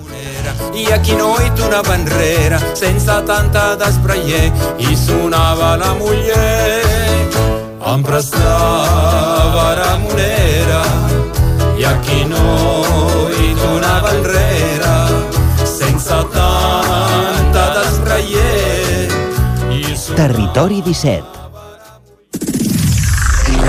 El 9 FM. El 9 FM. Passema, comercial de maquinària i utillatges amb més de 50 anys al vostre servei. Visiteu la nostra botiga i trobareu productes de gran qualitat. Passema, som al polígon Sot dels Pradals, al carrer Cervera 10 de Vic. Telèfon 93 885 32 51. Us desitgem bones festes. Cocodril Club. Si t'agrada la bona música dels anys 60, 70 i 80, escolta el 9 FM als matins de dissabtes i diumenges d'11 a 1. És el temps del Cocodril Club, tot un clàssic de la ràdio, amb les bases del pop-rock, les llegendes, les cançons que s'han convertit en autèntics himnes. Recorda, dissabtes i diumenges al matí, d'11 a 1, al 9 FM 92.8. Cocodril Club, el programa revival de l'Albert Malla. Hasta luego. Només pensar en passar aquesta nit sense calefacció amb aquest fred? No es preocupi, hem analitzat a fons la caldera i de seguida quedarà reparada i en funcionament. Quan tingui un problema amb la seva caldera, vagi directament a la solució. Truqui sempre al servei tècnic oficial de Saunier Duval i despreocupis, perquè som fabricants i coneixem les nostres calderes peça a peça. Informis a Oficiat Nord trucant al 938860040. Saunier Duval, sempre al seu costat. Hi ha una màgia que no té truc. És la màgia de compartir una estona amb algú i parlar-hi. Vols practicar català? Vols ajudar algú a parlar-lo? Apunta't al voluntariat per la llengua. El programa de les parelles lingüístiques a vxl.cat. Perquè quan parles, fas màgia. Generalitat de Catalunya. 100 milions i mig de futurs. Cobertes serveis funeraris. Els nostres tanatoris estan ubicats en els nuclis urbans més poblats de la comarca d'Osona per oferir un millor servei. Tanatori de Vic, Tanatori de Manlleu, Tanatori de Centelles i Tanatori de Roda de Ter. Sabem que són moments difícils i per això el nostre compromís és atendre-us en tot moment amb un tracte humà, sensible i respectuós. Cobertes serveis funeraris. Telèfon 24 hores 93 883 23 46. Anuncia't al 9FM. La màquina de casa. 9 3 8 8 9 4 9 4 9. Publicitat arroba al 9FM.cat. Anuncia't al 9FM. La publicitat més eficaç. C Cosmètics, el vostre distribuïdor de perruqueria i cosmètica bio de la comarca, us agraeix la confiança de tots aquests anys i us convida a visitar la nova botiga online www.ccosmetics.net us obsequiem amb un 10% de descompte en la vostra primera compra. També podeu recollir les vostres comandes al carrer Nord, número 2, baixos de Vic. I ara, nou servei d'articles anticovid, dirigit a empreses. Us hi esperem. El 9 FM, el 9 FM, el 9 FM, el 9 FM, el 9 FM.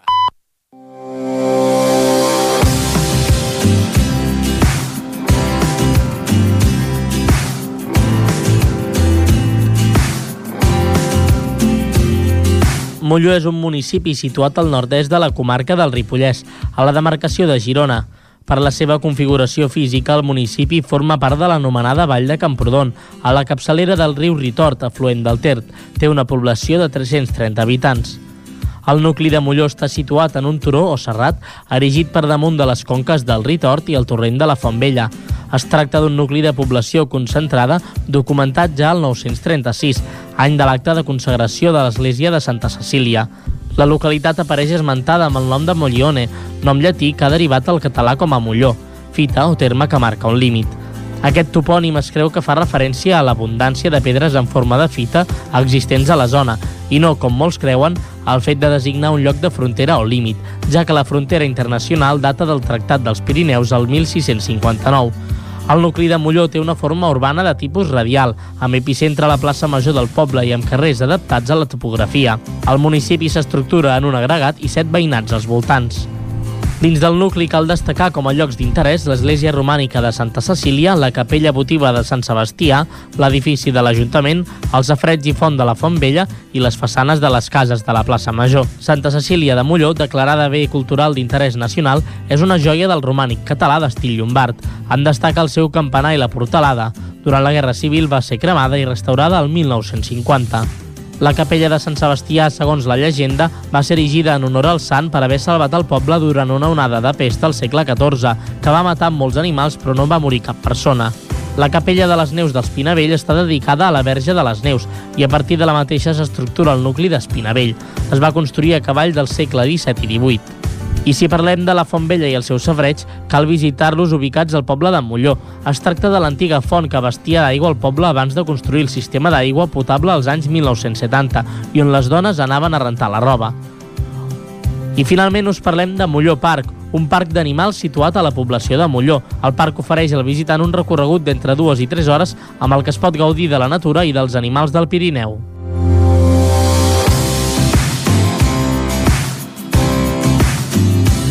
Territori 17. Doncs avui que el Descobrint Catalunya, el David Auladell ens ha parlat de les bondats de Molló, acabant amb Molló Parc, que no sé si has anat mai, eh, Vicenç, però la veritat és que val molt la pena, eh? No, no, la veritat és que tothom eh, en parla molt bé d'aquesta uh -huh. oferta per portar sobretot els nens Clar, a un entorn tam- natural Uh -huh. i, eh, i a veure animals en el seu hàbitat. Doncs també és veritat, eh? és molt aconsellable fer-ho com a visita familiar, cosa que jo he fet un parell de vegades i que recomanem molt. Ara, clar, estem en situació de confinament municipal i, per tant, si no sou de Molló, doncs aquest cap de setmana eh, ho teniu complicat per fer-hi cap. Però vaja, us ho apunteu de cara a la primavera i tant de bo ben aviat s'hi pugui tornar, perquè a més a més segurament que durant la primavera és un dels moments més bonics per visitar no només Molló Parc, sinó tot l'entorn de Molló, que, que és excepcional, i tant que sí. 8 graus ara mateix a Molló.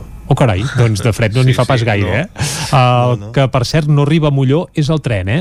No, Perquè ens queda clar que es va quedar a Sant Joan de les Abadesses. tot i que hi Molló havia queda un una mica més projecte amunt. de portar-lo fins a Camprodon i fins i tot es va parlar de creuar la frontera a partir d'allà, potser, qui sap si hagués passat per Molló o hagués agafat una altra ruta però en tot cas el tren queda lluny de Molló Doncs uh, anirem amb cotxe a Molló quan s'hi pugui anar i ara sí que anirem amb tren uh, però no pas fins a Molló. De moment anem fins a la Trenc d'Alba. Aviam què ens hi expliquen avui uh, l'Isaac Muntades el, uh, uh, uh, això ho descobrirem de seguida. Anem-hi, va, a Trenc d'Alba. A Tren d'Alba. Cada dia els usuaris de la línia R3 de Rodalies que veuen sortir el sol des d'un vagó ens expliquen les gràcies i les penes del primer comboi que uneix Ripoll i Barcelona. Benvinguts a Tren d'Alba. Un dia més parlem sobre la història de l'últim bitllet de tren que es va expedir a Sant Joan de les Abadeses i que està en possessió de l'expert en història local Marcel Miquel. Ell ens explicava ahir que a mesura que passaven els dies ja es veia venir que no arreglarien la línia i que el fet de posar autobusos era una manera de deixar-la morir a poc a poc. Les instal·lacions estaven en molt mal estat i començaven a caure a trossos. A més, això va coincidir amb un pla que el govern socialista d'aleshores va fer en què deia que deixaria de subvencionar totes les línies que fossin altament deficitàries i això suposaven 3.000 quilòmetres de vies menys. De fet, la línia R3 de Barcelona-Puigcerdà estava amenaçada i es va salvar per la seva dimensió internacional en França. Al final, el nombre de quilòmetres que van tancar-se va ser de 913, però hi havia el ramal de Sant Joan de les Abadeses inclòs. Per acord del Consell de Ministres celebrat el 30 de setembre de l'any 1984, totes aquestes línies van quedar tancades l'1 de gener del 1985. El darrer dia del tren a Sant Joan va ser el 31 de desembre de 1984 i va ser un servei amb autobús. Per oblidar. Va, ens retrobem demà per explicar-vos més històries de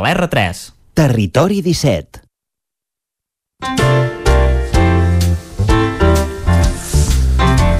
Doncs demà més històries de la R3. Avui, eh, oita, eh, no coneixia això que ens explicaves tu, Vicenç, eh, abans d'anar a la secció, que fins i tot hi va haver sobre alguna taula, no, no sé si gaire eh, certesa o no, la possibilitat de que el tren arribés a Camprodon sí, i senyor. fins i tot que travessés Molló i anés a Prats de Molló, potser que travessés eh, la frontera física entre l'estat espanyol i França, una frontera, bé, que haurien d'haver fet un túnel força gros perquè la veritat és que s'enlaira i força per allà al Pirineu però vaja, no sé si el projecte ja hi era o no, Vicenç?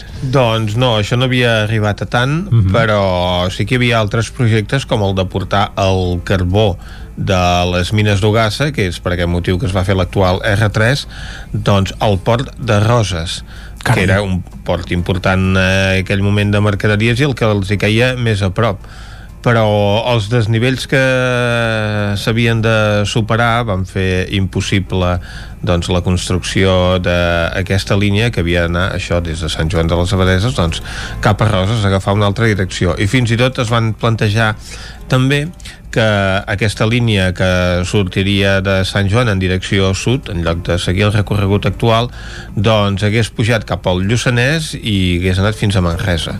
Ostres, si n'aprenem de coses aquí a Territori de, de 17, eh? de, I sobretot... de traçats de tren, la veritat és que doncs, se n'han dibuixat molts i, i a l'hora de la veritat doncs moltes d'aquestes línies evidentment no s'han fet realitat. Bé, fa uns anys també es parlava del famós tren transversal. Sí, això ja en ple segle XXI però aquest de ja moment... és un projecte més seriós perquè el va fer la pròpia Generalitat. Uh, aviam si ho veiem algun dia.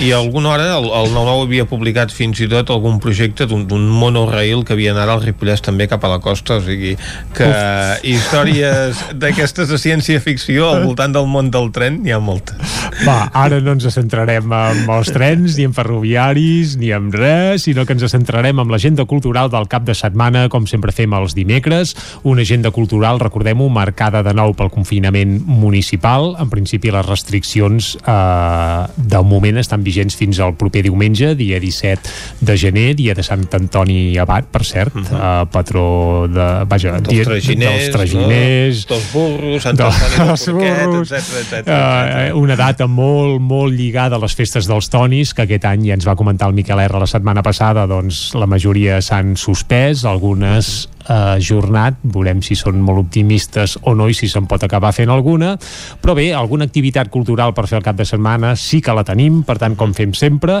aquí a Territori 17, a la part final dels dimecres, repassem què podem fer al cap de setmana. I Vicenç, aquest repàs per on l'encetarem avui? Anem a Ràdio Cardedeu amb l'Òscar Muñoz perquè ens apropi algunes de les propostes culturals al cap de setmana. Bon dia, Òscar.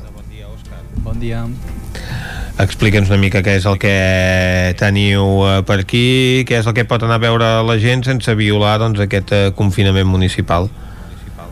Doncs comencem avui, avui dimecres a les 6 a la Biblioteca Marta Villalba de Cardedeu. Tenim la tertúlia literària Gabriela, Clau i Canella de Jorge Amado, una un llibre del 1958 i això és la, història, la història d'una dona que representa tot el poble brasiler i és una de les novel·les més populars i més llegides del, de l'autor. Uh -huh. Doncs això a la Biblioteca Mar de Vialba avui. Per divendres, a les 6 de la tarda al Teatre Auditori de Granollers tenim la improvisació al piano a càrrec del Carles Mari, Marigó ens ensenyarà un, un concert pedagògic de 30 minutets com els, pionist, com els pionistes del segle XIX que improvisaven segons el que esperava el seu públic. Uh -huh. I tot just després, una hora després, al mateix lloc, en Carles farà un recital de piano per sorprendre doncs, el públic amb uh -huh. aquesta capacitat d'interpretació i això, farà I un recital sí, sí. de música escrita improvisada. Uh -huh. Dissabte a les 8 del vespre també al Teatre Auditori de Granollers, sopar de batalla amb el Jordi Casanovas. El sopar de batalla és una comèdia negra, o molt negra, com diuen ells, on podem veure aflorar el pitjor, el més grotesc i el més... Eh, bueno, la part més fosca d'aquests personatges durant el sopar. Uh -huh. El mateix dia, a la mateixa hora, a les 8 del vespre, però a Cardedeu, tenim teatre, el Reines del Shakespeare. Les reines del Shakespeare, que són la Cleopatra, la Lady Macbeth, la Titania i la Margaret d'Anjou, em surten de les seves respectives obres i es trobaran al mateix escenari. Això dissabte a les 8 del vespre a Cardedeu. A veure i també dissabte a les 8 del vespre però a Llinars tenim l'obra de teatre Els Burgarols amb en Ramon Madaula. És una història familiar de l'alta burgesia catalana on la filla que és activista social i feminista decideix canviar-se el cognom pel de la mare. Uh -huh. eh, és una obra que està molt de moda i la podem trobar a Llinars del Vallès per eh, des de 20 euros uh -huh. i per acabar tenim dos, diumenge a les 12 del migdia, també a Llinars, La nena dels pardals, un teatre familiar on ens diuen que és un espectacle eh, poètic i emocionant sobre els petits herois eh, quotidians i al respecte de la, de la vida i la saviesa innata dels nens.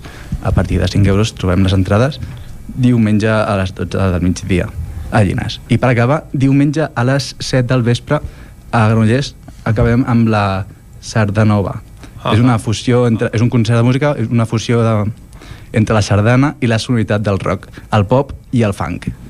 O sigui, una miqueta estrany tot això, però podem trobar això a l'Auditori de Granollers des de 9 euros. Mm -hmm, doncs efectivament una proposta musical que ja fa molts anys que en Santi Arissa va mm -hmm. doncs, proposar una nova manera de ballar i de viure l'entorn en sardanista entre la tribu de Santi Arissa en aquell moment i, els, i la Copla Montgrins que doncs, és la que es va afegir a la iniciativa quan va sorgir aquesta proposta. Molt aconsellable, per cert, eh? I la veritat és que sona molt i molt bé i, home, sí que és trencadora i sorprenent, més que res, perquè a l'hora de ballar també van inventar alguns passos Sí, sí. Nous, que Exacte. aquí és on hi hauria la dificultat o també una mica la gràcia de, de tot plegat. Mm -hmm. Doncs, molt bé, Òscar, moltes gràcies. A vosaltres. Ara anem cap a Ona Codinenca, on ens espera la Caral Campàs. Bon dia, Caral. Hola, bon dia. Quines propostes culturals eh, tenim pels propers dies? Doncs avui liquidarem l'agenda d'Ona Codinenca bastant ràpidament, uh, però bé, us porto una proposta cinematogràfica en el marc de, del cicle Gaudí. Uh -huh. um, la pel·lícula és Uno para Todos, on apareixen actors com el David Verdaguer o la Clara Segura, i la hipnosi d'aquesta pel·lícula diu que un professor interí assumeix la tasca de ser el tutor d'una classe de sisè de primària en un poble completament desconegut per ell, quan descobreix que ha de reintegrar un alumne malalt a l'aula es troba amb un problema inesperat i és que gairebé cap dels seus companys i companyes volen que torni a classe. Um, aquesta pel·lícula es pot veure tant a Vigues i Riells com a Santa Maria d'Oló. A Vigues i Riells es projectarà el divendres a les 8 del vespre al Teatre Auditori Polivalent i a Santa Maria d'Oló es projectarà el diumenge a les 6 de la tarda a l'espai a Malosa. I perquè no quedi tan pobra l'agenda cultural de la nostra zona, us recordo que tenim dues exposicions. Uh, una és, uh, totes dues són a Caldes i una d'aquestes és al Casino, a l'Espai d'Art. Uh, és l'exposició dels 25 anys de Catifes de Flors a Caldes que ha organitzat Acció Cívica Calderina una exposició que ja fa dies castellà i, i que n'hem parlat alguna vegada. I l'altra és el, el Museu Termàlia um, que és la... hi ha dues, dues mostres permanents, les que, les que hi són sempre. Uh, una és sobre l'efervescència del termalisme i l'altra és de, de l'artista Manologuer de Caldes. Uh -huh.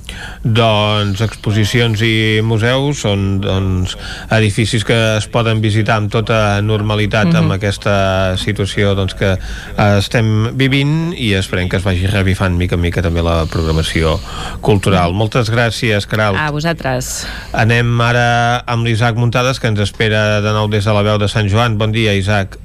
Bon dia, Vicenç. Bon dia, Jordi. Quina és l'activitat cultural que tenim prevista ara mateix a la comarca del Ripollès i pels propers dies? Doncs és ben poca, però sí que us puc destacar almenys una activitat que, com, com la Caral la liquidaré ràpid, l'agenda. Mm. Uh, aquest divendres, a dos quarts de nou del vespre, l'església de Sant Pere de Ripoll doncs, acull el cicle de teatre de prop Íntims, que és un espectacle doncs, de dansa contemporània amb Miquel Barcelona i Marc Vilajoana. L'espectacle es titula Parrà, que no és cap altra cosa que la conjugació de l'antiga forma verbal apareixerà, i un, és un espectacle que vol transmetre la dualitat entre la tradició, però també vol ser un diàleg entre la veu i el moviment, el ruralisme i la contemporaneïtat, la, i la forma i el canvi. I eh, bé, s'hi pot accedir per, per un preu de, de 7 euros. Uh, dir que bueno, l'església de Sant Pere ja ho sabeu que potser dels llocs tancats de Ripoll és dels que queda més obert perquè és molt, molt gran i evidentment doncs, aquests dies doncs, que, que fa fred doncs, almenys estar una mica uh, calentó i, i allà almenys es pot ventilar bé per tant, doncs, eh, bé, és una proposta que us faig i llavors eh, recordar-vos també una mica que aquí al Ripollès hi ha diversos doncs, museus que es poden visitar, com Cal Marquès a Camprodon, també tenim, doncs, evidentment, el Palau de l'Abadia a Sant Joan de les Abadeses, que ja sabeu que obre doncs, de dilluns a dissabte, 10 del matí a 2 de la tarda, i també de 4 a 7 de la tarda, i els diumenges de 10 a 2 de la tarda, i evidentment doncs, el Museu Etnogràfic de Ripoll, que es pot visitar doncs, de dimarts a dissabte, 10 del matí a dos quarts de 2 de la tarda, i de 4 a 6 de la tarda, i els diumenges i festius doncs, de, de 10 a 2, amb, amb un preu d'entrada de, de 4 euros. Per tant, doncs, eh, ja que no ens podem moure gaire de, de bé, no podem sortir del terme municipal, doncs la gent que tingui la sort de tenir els museus en els seus pobles de residència, doncs almenys podrà fer-hi alguna, alguna visita cultural. I tant que sí, és l'hora d'aprofitar aquestes circumstàncies també per conèixer més el nostre entorn. Gràcies, Isaac. A vosaltres. Ara nosaltres anem a parlar de l'actualitat cultural a la comarca d'Osona amb en Jordi Vilarrodà. Ja sabem doncs, que tenim entre altres propostes que hem anat repassant ara fa una estona tertúlies literàries, tenim espectacles de dansa, tenim diferents propostes teatrals, també música amb la Sardanova o amb aquesta improvisació de piano que es farà a Granollers i no sé què és el que ens porta en Jordi a la comarca d'Osona, potser alguna notícia d'última hora fins i tot. Em sembla que sí. Jordi, bon dia. De fet, de fet porto una mala notícia d'última hora, A perquè veure. justament havíem d'explicar que es reprenia després del petit parèntesi de, de després de Nadal, la programació de l'Atlàntida. De fet, no, gairebé no hi ha hagut de parèntesi, perquè tot just la setmana passada hi havia el concert de cap d'any, Uh -huh. i aquesta setmana havia de començar, diguem, la programació regular del, del nou trimestre, que, ai, no començarà. Oh. No començarà, si més no, amb l'obra que havia d'iniciar-la aquesta setmana, que s'havia de fer aquest país no descobert, un muntatge preciós de l'Àlex Rigola, absolutament recomanable, que em diuen, m'acaben de dir des de l'Atlàntida que es podrà veure en una data propera, encara no està fixada, eh, aquesta obra és, és, és una, una obra protagonitzada per l'Alba Pujol eh, i el Pep Cruz, eh, que de fet parla doncs, d'aquesta dramaturga i actriu, l'Alba Pujol, eh, eh, es va trobar doncs, que el seu pare eh, va, va morir a causa d'un càncer i durant el temps eh, en què ja sabia que havia de morir, van tenir unes converses que després ella ha portat doncs, al, al, al teatre sobre el final de la vida, sobre... Eh, és una obra potentíssima que a més a Barcelona doncs, quan es va estrenar va generar molta, molt bona crítica eh, en fi, eh, era un muntatge que esperàvem, eh, francament. Aquest muntatge de l'Àlex Rigola era un inici de temporada molt potent i no hi serà, no hi serà perquè com ja va passar el mes de novembre l'Atlàntida ha valorat eh, la quantitat de públic que tenia entrada per aquest muntatge, per aquest espectacle que no era de Vic Uh -huh. mm, encara que fos d'Osona, però per tant que no podria fer el desplaçament a causa del confinament municipal fins a l'Atlàntida i han arribat a la conclusió doncs, que valia més eh, ajornar-ho per un altre moment en què la major part de la gent que tenia entrades doncs, que, no, que no és de Vic eh, pogués assistir-hi. Clar, Per abans- aquesta setmana l'Atlàntida no inicia el, la programació com tenia pensat i mm, s'haurà de veure doncs, la setmana que ve què passarà amb un altre muntatge diferent però també molt interessant que era La dona dels 600 d'en Pere Riera que, que havia de tenir lloc en dues sessions els dia, el dia 23 de gener. Deien que és molt probable que aquest dia el dissabte 23 de gener en lloc de dues sessions se'n faci una perquè també passarà el mateix, gent de fora de Vic que no tenia entrada doncs no hi podrà ser, però que amb, amb el públic eh, local, diguem, es pugui fer una sessió.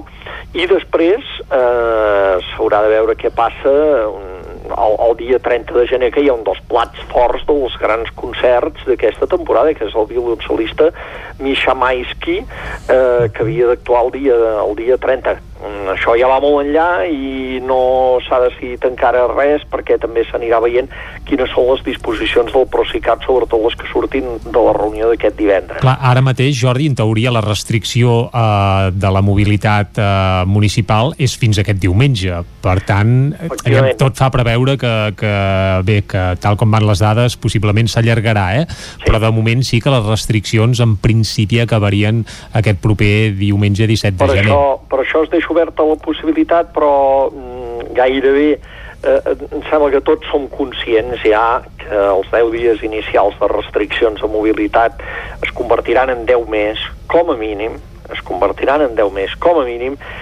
i sobre la taula, segons com vagin les dades, sobre la taula sempre hi ha la- la- l'amenaça, diguem, del tancament del tancament de, Del confinament. de, del, del, del tancament del, Bé, de la cultura dels teatres uh -huh. directament i cinemes, sí, sí. A veure, perquè, perquè de fet si mirem l'entorn, o sigui, si mirem l'entorn, ara em sembla que si no em falla la, la, la, les dades, doncs s'ha tancat Portugal també, eh, França la, la, els equipaments culturals estan tancats, Alemanya, Holanda, Bèlgica, tot el nord d'Itàlia, eh, Anglaterra, Gran Bretanya en general, eh, és clar, de fet és una excepció. I ara no tinc la fotografia ara mateix present de la situació de diferents comunitats autònomes, diguem, de, de, de l'estat espanyol, però sí que l'entorn europeu nostre, eh, la cultura està mm, la cultura, els espectacles estan tancats. En algun cas, diguem la cultura en general, o sigui, incloent museus i tot, eh? O sigui, eh, per tant, aquí estem en aquesta situació que a vegades diuen, no, és que està molt fotut... La, la situació del, de, de la cultura sí, està, està pitjor en, en altres llocs d'Europa, només que allà tenen, tenen un avantatge, que és que allà compten amb ajuts per poder sostenir aquest període de tancament. I aquí aquests ajuts no, no hi són. Però el panorama general a, a nivell europeu no és de que els eh, teatres eh, estiguin funcionant, precisament, els que els espectacles estiguin fent. Al contrari, al contrari. Molt bé, Jordi. A la fotografia de l'Atlàntida la tenim. De moment aquest cap de setmana no hi ha activitat al Centre d'Arts Escèniques d'Osona, que en, evidentment està a la capital eh, de la comarca, en aquest cas a Vic, però potser sí que hi ha alguna altra activitat eh, per fer sí. a Osona. Sí, i si no hi ha res de nou, sí que hi ha un teatre que comença aquesta setmana la temporada, que és el Sirvianum, que eh, concretament doncs, serà diumenge que inaugurarà la temporada 2021 amb la presència d'en Guillem Albà i, i els músics que l'acompanyen, eh, aquest, aquests sis músics de la Marabunta, que ja s'ha fet doncs, conegut doncs, també aquest, aquest grup de músics que, amb els que ja han fet un espectacle i que ara fan el segon, que és Haleio, que és un espectacle que també es va estrenar la temporada alta darrer i que amb sis músics i Guillem Albà, doncs ja us podeu imaginar, amb moltes ganes de divertir, de transmetre molta alegria, de molta energia, música, humor, o sigui, una cosa que de fet jo crec que en aquests moments... Ens hauríem de receptar gairebé. Eh? Guillem Albà és, és terapèutic gairebé, mm -hmm. és terapèutic. Això serà el diumenge a les 6 de la tarda al Teatre Sirvianum, que d'aquesta manera eh, comença la temporada que justament, mira, aquest migdia doncs es presentarà eh, tota la programació d'aquesta part de la temporada 2021 del Sirviano, eh, que de moment aquesta sí que es manté. I, I encara tenim una altra proposta, només una, però tenim una altra proposta que és a Manlleu, eh, també el diumenge, això sí que s'haurà de triar, eh, a les 5 de la tarda a l'Espai Rossinyol un concert de coble de la Juvenívola de Sabadell.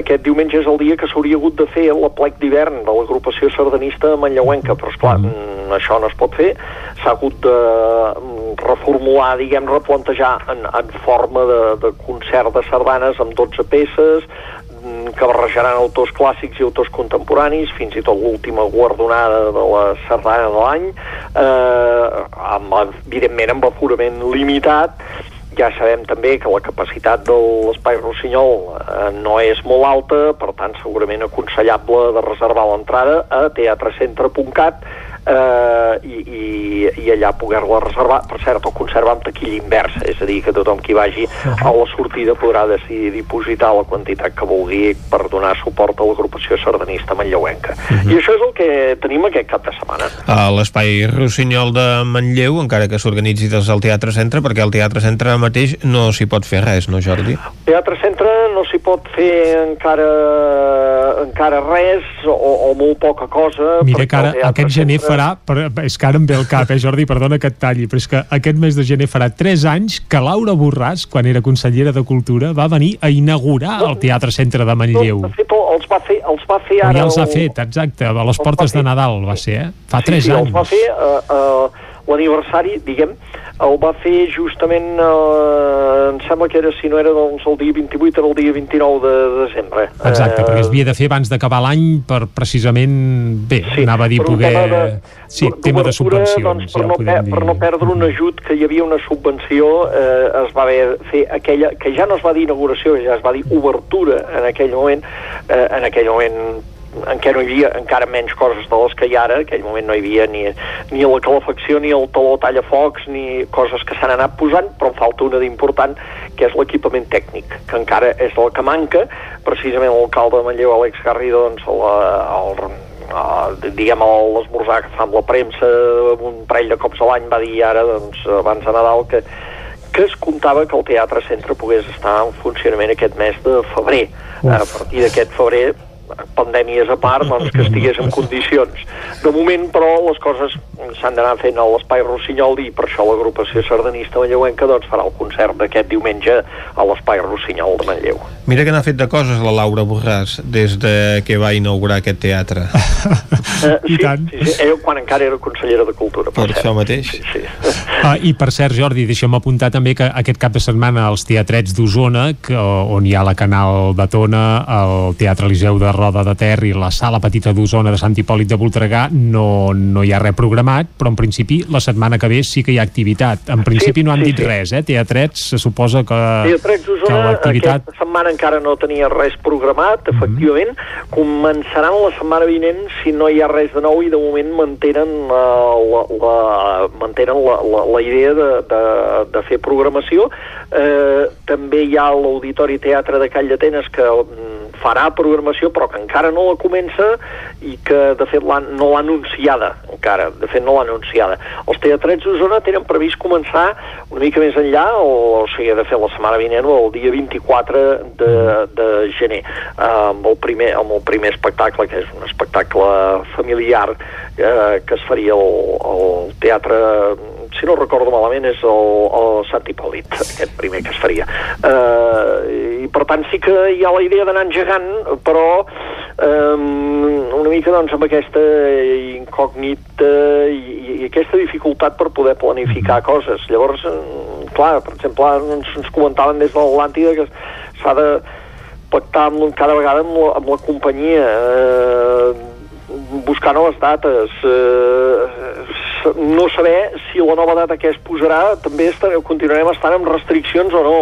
Eh, eh és, sí, és complicada, és la situació és complicada més, logística, tècnica, complicació de, de poder gestionar aquesta situació Jordi, moltes gràcies per acostar-nos l'actualitat cultural i estarem al cas del que es vagi fent. Tant de bo no s'hagin de suspendre més espectacles i Vicenç, el que ens toca a nosaltres ara ja és acabar i acomiadar, eh? Posar a punt i final aquest territori 17 que han fet Clàudia Dinarès, Caral Campàs, Isaac Muntades, David Auladell, Pepa Costa, Isaac Moreno, Víctor Palomar, Òscar Muñoz, Jordi Vilarrodà, Jordi Sunyer i Vicenç Vigues. Nosaltres tornarem demà, com sempre, des de les 9 del matí i fins a les 12 del migdia. Adeu. Siau.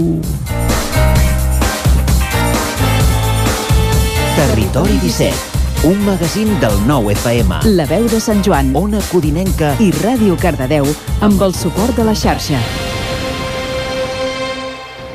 El nou FM